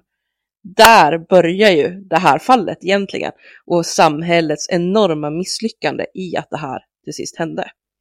Det, med, med, alltså det var ju inte bara sexuella övergrepp som, som det fanns vittnesmål om eller liksom eh, påstod att det kunde ha hänt där i mammans hem, utan också våld. Eh, och att eh, det, det, var liksom både så, så han och hans storebror i princip fick lära sig att man hanterar livet, att man skäller på någon och når man inte fram med att skälla på någon, då slår man. Det är så det funkar. Eh, men också där de introducerades för missbruk, så att det, jag menar, han, han började ju hamna in på miss, både missbruk och våld och kriminalitet redan när han var liksom 12-13 år. 14 så hamnade han på HVB-hem. Alltså det, det har ju varit kaos från första början och ett, ett samhälle som inte lyckas reda ut det. Så det är klart att när han då är nu då 30 plus och bara har varit i ett liv av våld och missbruk så tror jag inte att han kommer gå att rädda. Och det är det som är så tragiskt, alltså det är det som blir, blir så sorgligt att å ena sidan kunna se det här skadade lilla barnet inom honom och ändå säga någonstans att vi tappade bollen här som samhälle och vi måste ge upp på dig. Vi får hålla dig någonstans där du kan vara, leva ut ditt liv utan att utgöra en risk för dig själv och andra. Men du kan inte vara ute bland människor längre. Nej. Då hamnar vi i en förvaringssituation. Ja. Och det är ju lite så Norge funkar till exempel. De har ju inte livstidsfängelse, utan maxstraffet där är 20, 20 år, 25 år, något, något sånt. 21, ja, ja där kring. Eh, men de har ju en, en regel som säger att om det bedöms att personen efter avtjänat straff riskerar att fara illa ut på grund av det brott han eller hon har begått, så kan man dömas till förvar på obestämd tid. Och det är ju vad man har gjort med Breivik till exempel. Att han kommer ju typ aldrig att komma ut för att man vet att samma sekund som han blir utsläppt så är det ju någon som kommer knäppa honom. Eh, så att han kommer ju mest troligt sitta i sin lilla isolerade lägenhet för all framtid. Men han är ju bara dömd till ja, maxstraffet egentligen och därefter förvar. Jag tycker det är lite märklig, eh, märkligt sätt att göra det, för det är lite så här, det är ju typ livstid. För alltså det är ju liksom att de har delat upp det i typ två sekvenser på något sätt. Jag vet inte. Jag tror att det är att när han väl, alltså under tiden han sitter nu dömd, så är det vissa regler han måste förhålla sig till under tiden som dömd. Vad gäller att han måste delta i vissa aktiviteter, han måste gå i skola eller man måste göra någon form av syssla och sådana här saker. Men när han sen sitter i förvar, då gör han vad sjutton han vill. Mm, antagligen, för förvaret är ju inte straff. Det är inget straff, Nej. Så, även fast det uppfattas säkert som det. Men det är väl inte det som är tanken att det ska vara ett straff. Nej, precis. Nej, någon slags limbo tills de dör. Typ. Ja. Och sen kan man ju, så är det ju många som tycker så att, ja men låt han ta konsekvenserna då. Släpp ut honom, är det någon som slår ihjäl honom då får det väl vara så. Um, men det, där får vi igen den här balansgången av, av vad samhället ska liksom göra för att ändå försöka skydda sina medborgare på olika sätt, även om det blir att ibland behöver skydda dem från sig själva. Det, äh, det är ingen lätt gränsdragning så. Och det, är det, det är ett fall som är svårt att inte bli berörd av. Jag känner att Precis, jag gick in i mitt ganska jag... torra juridikmode bara. Så. Inte bli ja, berörd det, bara. Det är därför du är här, Hanna. men det behövs. Det behövs ju det, och inte minst när det är sådana här fall som verkligen slår på alla emotionella strängar som man har. Och just i alla fall för mig, eftersom att eh, Lotta liksom är, är, har varit så närvarande i det, i och med liksom bilder och sånt som hon har tagit på sig själv och, och på något vis ja, men sagt, det händer, händer det mig något så ska ni ha de här. Liksom. Eh, som, och då behöver man ha, vi, vi, måste, vi kan ju inte bara fortsätta spela på de emotionella strängarna, utan vi måste ju ha något att förhålla oss till också. Det är ju, det är ju därför vi har juridiken. Liksom. Så att det behövs. Men eh, fasiken, det är inte, även fast det här inte är något nytt som vi var inne på, eh, och även fast det finns eh, alldeles för många fall och relationer som ser ut precis så här och kommer att se ut så här också, så är det ju um, någonting med tydligheten i det här fallet, tror jag, som gör att man liksom, nej men det stannar ju hos en. Mm. Precis. Ja men verkligen. Också att se, att se någon försöka, man ser någon försöka klara sig liksom. Försöka komma ur det här med livet i behåll och så går det inte. Jag har ju sett hur många liknande fall som helst som skulle kunna varit exakt samma fast med en annan utgång. Så att det, det är som ni säger, det är inte unikt på något sätt. Nej, och det kan man också tänka att när man är så här, nu har vi liksom rabblat upp skador och, och en del detaljer av vad han utsatte henne för och sånt som man kanske ryggar tillbaka från. Eh, men där är liksom min inställning till dels att lyssna på den här typen av poddar, men också att faktiskt eh, sitta och läsa sådana här eh, dokument och handlingar som man gör, är att jag känner att någonstans är det så här verkligheten ser ut och det är det här vi befinner oss i. Och jag vet inte, jag känner att det är mitt ansvar som medmänniska eller, eller på något sätt bara en, en del av det här samhället att faktiskt ta del av den eh, skitiga, vidriga eh, verkligheten av hur eh, personer som drabbas av det här faktiskt har det. det. Jag känner liksom att det är min skyldighet att inte rygga undan från det, utan att jag ska titta på de här bilderna och jag ska lyssna på det som, som Lotta berättade att hon blev utsatt för. Därför att vi måste. Vi måste se precis hur det här ser ut. Ja, och jag bara tänkte på det Paula pratade om innan också, om att det, det, det är inte så mycket att lära sig från det här. Men om det är någonting man ska ta med sig så är att samhället inte, eh, inte har de förutsättningar, eller så här, nu, nu ska jag formulera på något sätt. Vi behöver kunna ge personer som Lotta de, de verktygen och det stödet för att hon ska kunna ta sig ur när hon börjar försöka. Och jag tänker på exempelvis det här med skyddat boende, hon kunde inte ta med sin hund. Det låter som en liten grej, men jag menar, jag bara tänker själv, jag skulle aldrig lämna Ulla. Liksom. Det, det gör man inte. Så att det är sådana typer av grejer. Det finns så, så mycket mer att göra när det kommer till den biten.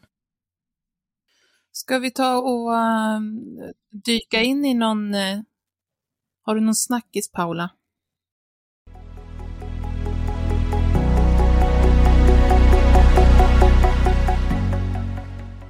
Nyans. Ja, Snabbis. alltså det, det är snabbis och snabbis. Vi ska försöka, vi får försöka hålla den kort. Eh, men eh, det går ju inte att göra ett avsnitt just nu och så inte prata om koranbränning. Det är ju den stora snackisen för närvarande. Så enkelt är det. Och, eh, och då tänker inte jag att så här, prata så himla mycket om att elda eller inte elda böcker, för det är ganska sekundärt, utan det som händer är ju en, en helhet. Och eh, det, det som blir nu, det är ju det här juridiska. Alltså att folk inte förstår hur polisen kan ge tillstånd till någonting som liksom måste vara hets mot folkgrupp. Eh, och eh, där är det ju så krasst att polisen får ju inte neka tillstånd annat än med hänvisning till allmän ordning. Så att, och det har de ju gjort tidigare och det hade de kunnat gjort nu också. Det vill säga säga som det är, liksom, att ja, men gör, gör vi den här grejen så är det jättestor risk att det kommer bli upplopp och problem och det är inte säkert att polisen kan hantera det så därför säger vi nej. Eh, men jag, Mm. som jag ser det så finns ett problem med den grejen också. Alltså att, att polisen nekar på de här grunderna. Och det är ju att eh, de här hatkampanjerna, det är ju inte de som hamnar i fokus då och varför de är fel och varför det är ett problem att gå ut och propagera emot islam och emot muslimer och, och som Paludan gör, liksom att han, han säger ju liksom att Norden måste bli rensat ifrån islam. Och enda sättet att rensa Norden från islam helt, det är ju att också rensa bort muslimer. Alltså han pratar liksom om en folkrensning. Ehm, och, och den bilden kommer ju inte fram om man säger att nej, men problemet är inte att han säger hemska saker. Problemet är att människor reagerar på de här hemska sakerna och det kan inte polisen hantera så därför måste vi säga nej. Ehm, samtidigt så får inte polisen neka med hänvisning till att han mest troligt kommer begå någonting brottsligt. Eh, utan det enda polisen får göra det är ju möjligtvis att stoppa där och då och säga att ja, men nu går det här över i någonting som är inte tillåtet, därför kan vi avbryta det. Eller anmäla i efterhand och så får det bli en polisutredning på det. Vilket fortfarande innebär att människor måste stå och höra någon säga att ni borde inte få finnas i det här landet. Eller ni borde inte få finnas överhuvudtaget. För han har ju i andra sammanhang sagt att hela världen måste rensas ifrån islam. Så att det är inte så att han egentligen vill stanna vid Norden, även om det är där han lägger fokuset för att vi är i Norden. Eh, utan han vill ju liksom att hela, hela världen ska eh, rensas på muslimer och förbjuda islam och sådär. Så. Och ja, det är mycket upprörda åsikter, det är mycket, mycket olika typer av debatter, det är förslag på att man ska göra det olagligt att bränna Koranen i sig, vilket jag inte håller med om är en bra väg att gå. Däremot så behövs det en rejäl översyn utav lagen om hets mot folkgrupp och det behövs en rejäl kunskapshöjning hos både polis och rättsväsendet i stort kring, kring vad som är hets mot folkgrupp så att man faktiskt ser den här helheten. För nu blir det sånt himla fokus liksom på den här att bränna Koranen och bara, nej men att, bara, att elda en bok kan inte utgöra hets mot folkgrupp. Man bara, nej, men gör man det på det sättet han gör, i det sammanhang han gör det, ihop med de ord han säger, då är det hets mot folkgrupp. Eh, och där har vi ett jätteglapp i, i hur lagen tillämpas just nu och i kunskapen och det behövs verkligen. Det behövs en uppdatering, det behövs en förändring. Får jag fråga en sak? Nej, Jag håller helt med, jag gissar att jag, jag bara ja, jag gissade på det. Paula, jag håller helt med dig vad du säger, spot on på den. Det jag funderar på, vet man vad han sa när han höll den här demonstrationen och brände Koranen och så? För det har inte jag riktigt förstått. Jag, förstår, jag vet ju vad han, vad han vill, det har jag läst om hans åsikter och det han vill. Men jag har inte hört någonting om vad han sa där och då. Vet man det? Jag har sökt men inte kunnat hitta än så länge någon inspelning av de faktiska talen. Uh, I Jönköping gick det ju lugnt till, så där borde det kunna gå att få tag om någon har spelat in. Jag ska försöka rota lite i det eftersom jag ändå känner en del Jönköp Jönköpingsbor, inklusive några som var på plats. Om det är någon som faktiskt har spelat in vad han säger. Jag har kunnat hitta en inspelning från en tidigare manifestation för ungefär en månad sedan som inte alls blev så uppmärksammad för då hade han inte gått ut med att han var på ingång. Och det är antagligen därför han har varit mycket mer öppen den här gången med var han har sökt tillstånd att nu kommer han att komma och sådana här grejer. För att han vill ju att det ska vara många som vet om det. Han vill att det ska bli bli upprört, många som kommer och skriker och så vidare och så vidare. Det är ju det han liksom är ute efter. Um, så, ja. men den som var liksom lugnare då, där, det hade spelats in, då står han ju och pratar om typ att eh, ja, i, i islam så säger man att Muhammed är den yttersta människan, att man ska vara som Muhammed. Ja, men Muhammed hade sex med en nioåring, alltså måste man vara pedofil, därför är muslimer pedofiler. Eh, och, och, så, och så spinner han vidare på det liksom, och där, därför är islam en farlig religion och vi kan inte ha det, den är inte förenligt. Alltså han pratar om att det, det är inte förenligt med nordiska värderingar och traditioner och kultur med islam. Det, det funkar inte. Eh, han menar på att, han säger någonting om att men i, i, i muslimer eller liksom i den islamska tron så är man väldigt våldsam. Man tror på att lösa konflikter med, med våld och vi i Norden, vi har slutat med sånt. Vi använder inte våld mot varandra längre, vilket är jättekul att säga i det här avsnittet där vi vet att det är någonting helt annat. Det finns definitivt väldigt, väldigt nordiska människor som använder våld mot andra. Eh, men han försöker liksom få det till att det är någonting unikt för typ muslimer. Eh, han säger också att hade det inte varit för muslimerna så hade vi inte haft några gruppvåldtäkter. Gruppvåldtäkterna fanns inte tidigare i Norden. De började komma för en 20 år sedan i samband med att eh, vi började få en större muslimsk population.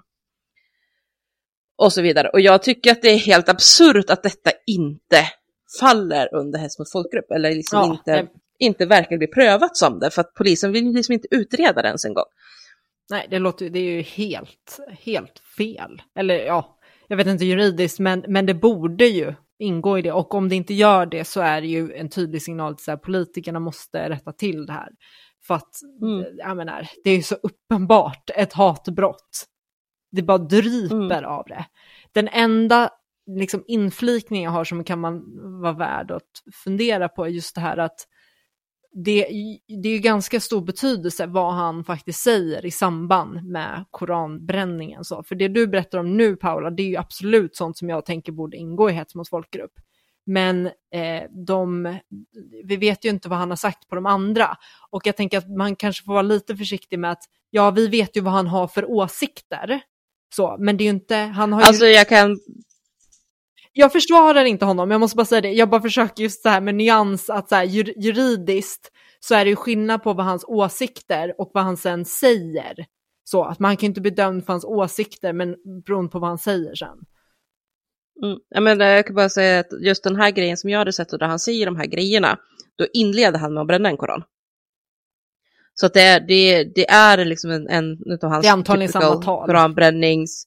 Så det är antagligen typ samma grejer som han mm. säger nu då, när han åker runt och bränner Koranen. För det är, ja, det är samma typ av aktion. Och han har ju gjort det här jättemånga gånger och i Danmark har han blivit dömd.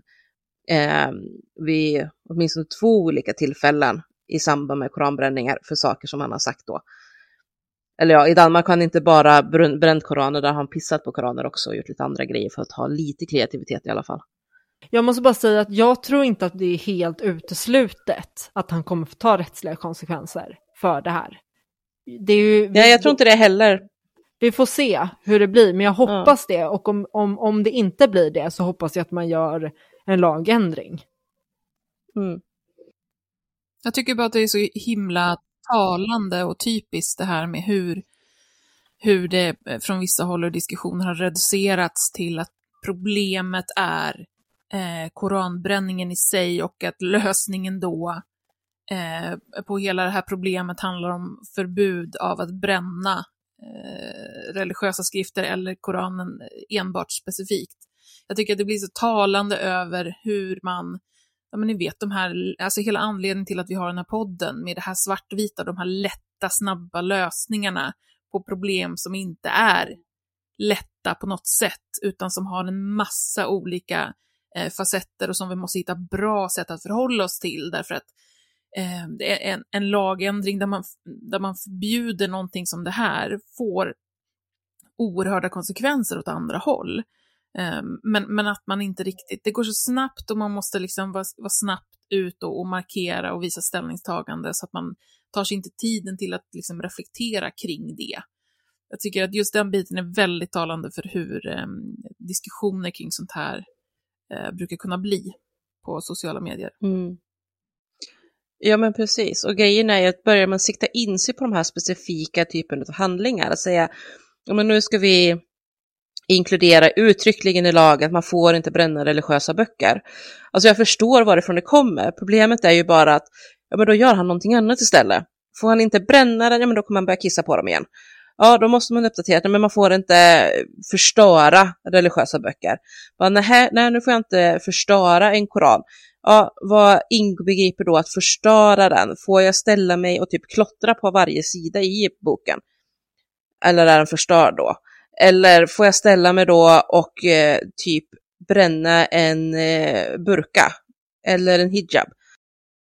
Det blir ju lite också det här att när man gör en grej så är det ju lättare att man liksom, som du säger, bygger på vad blir nästa steg och nästa steg.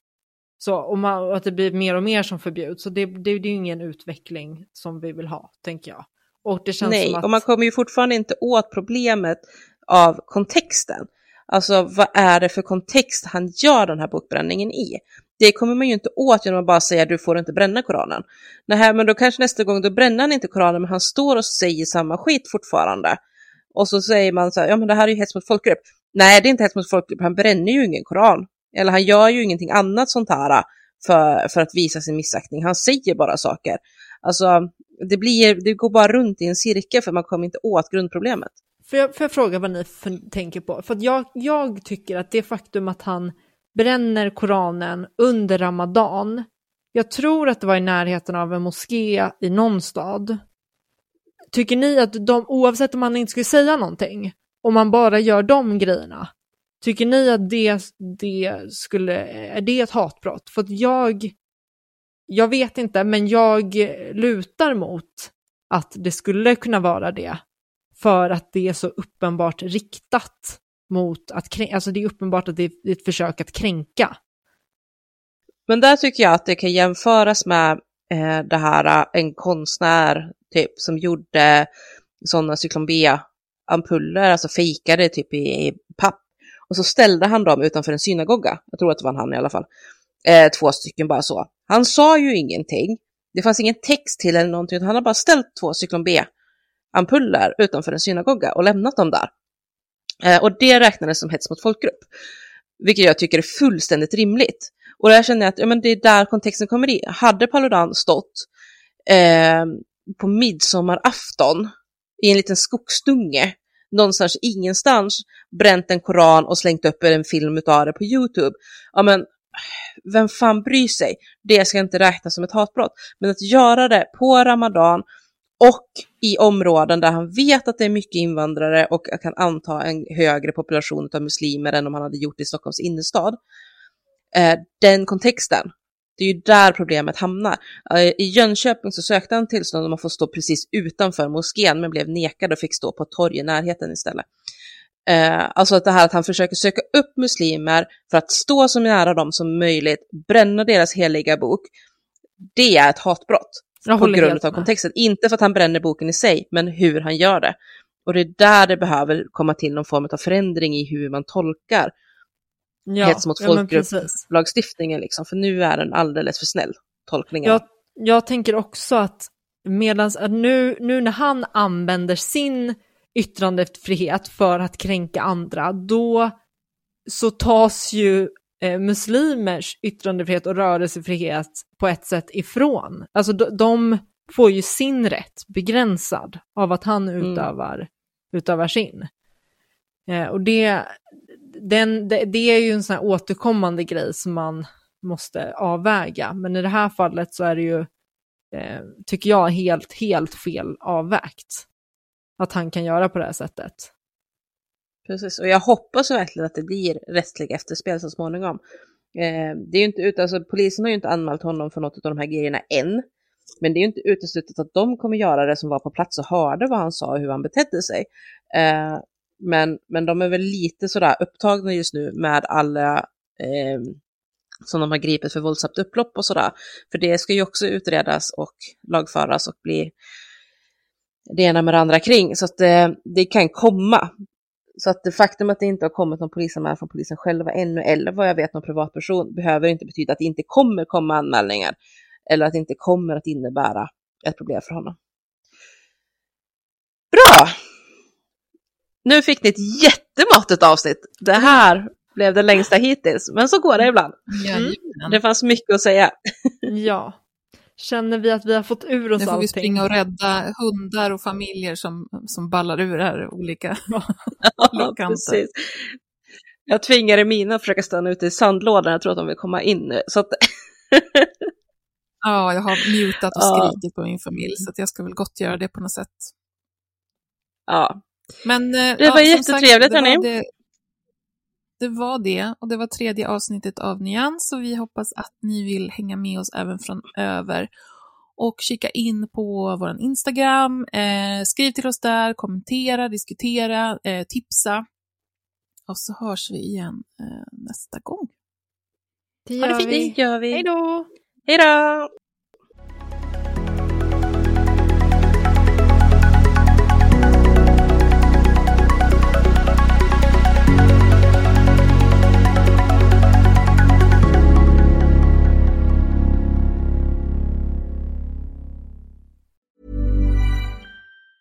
Tired of ads barging into your favorite news podcasts? Good news. Ad-free listening is available on Amazon Music for all the music plus top podcasts included with your Prime membership.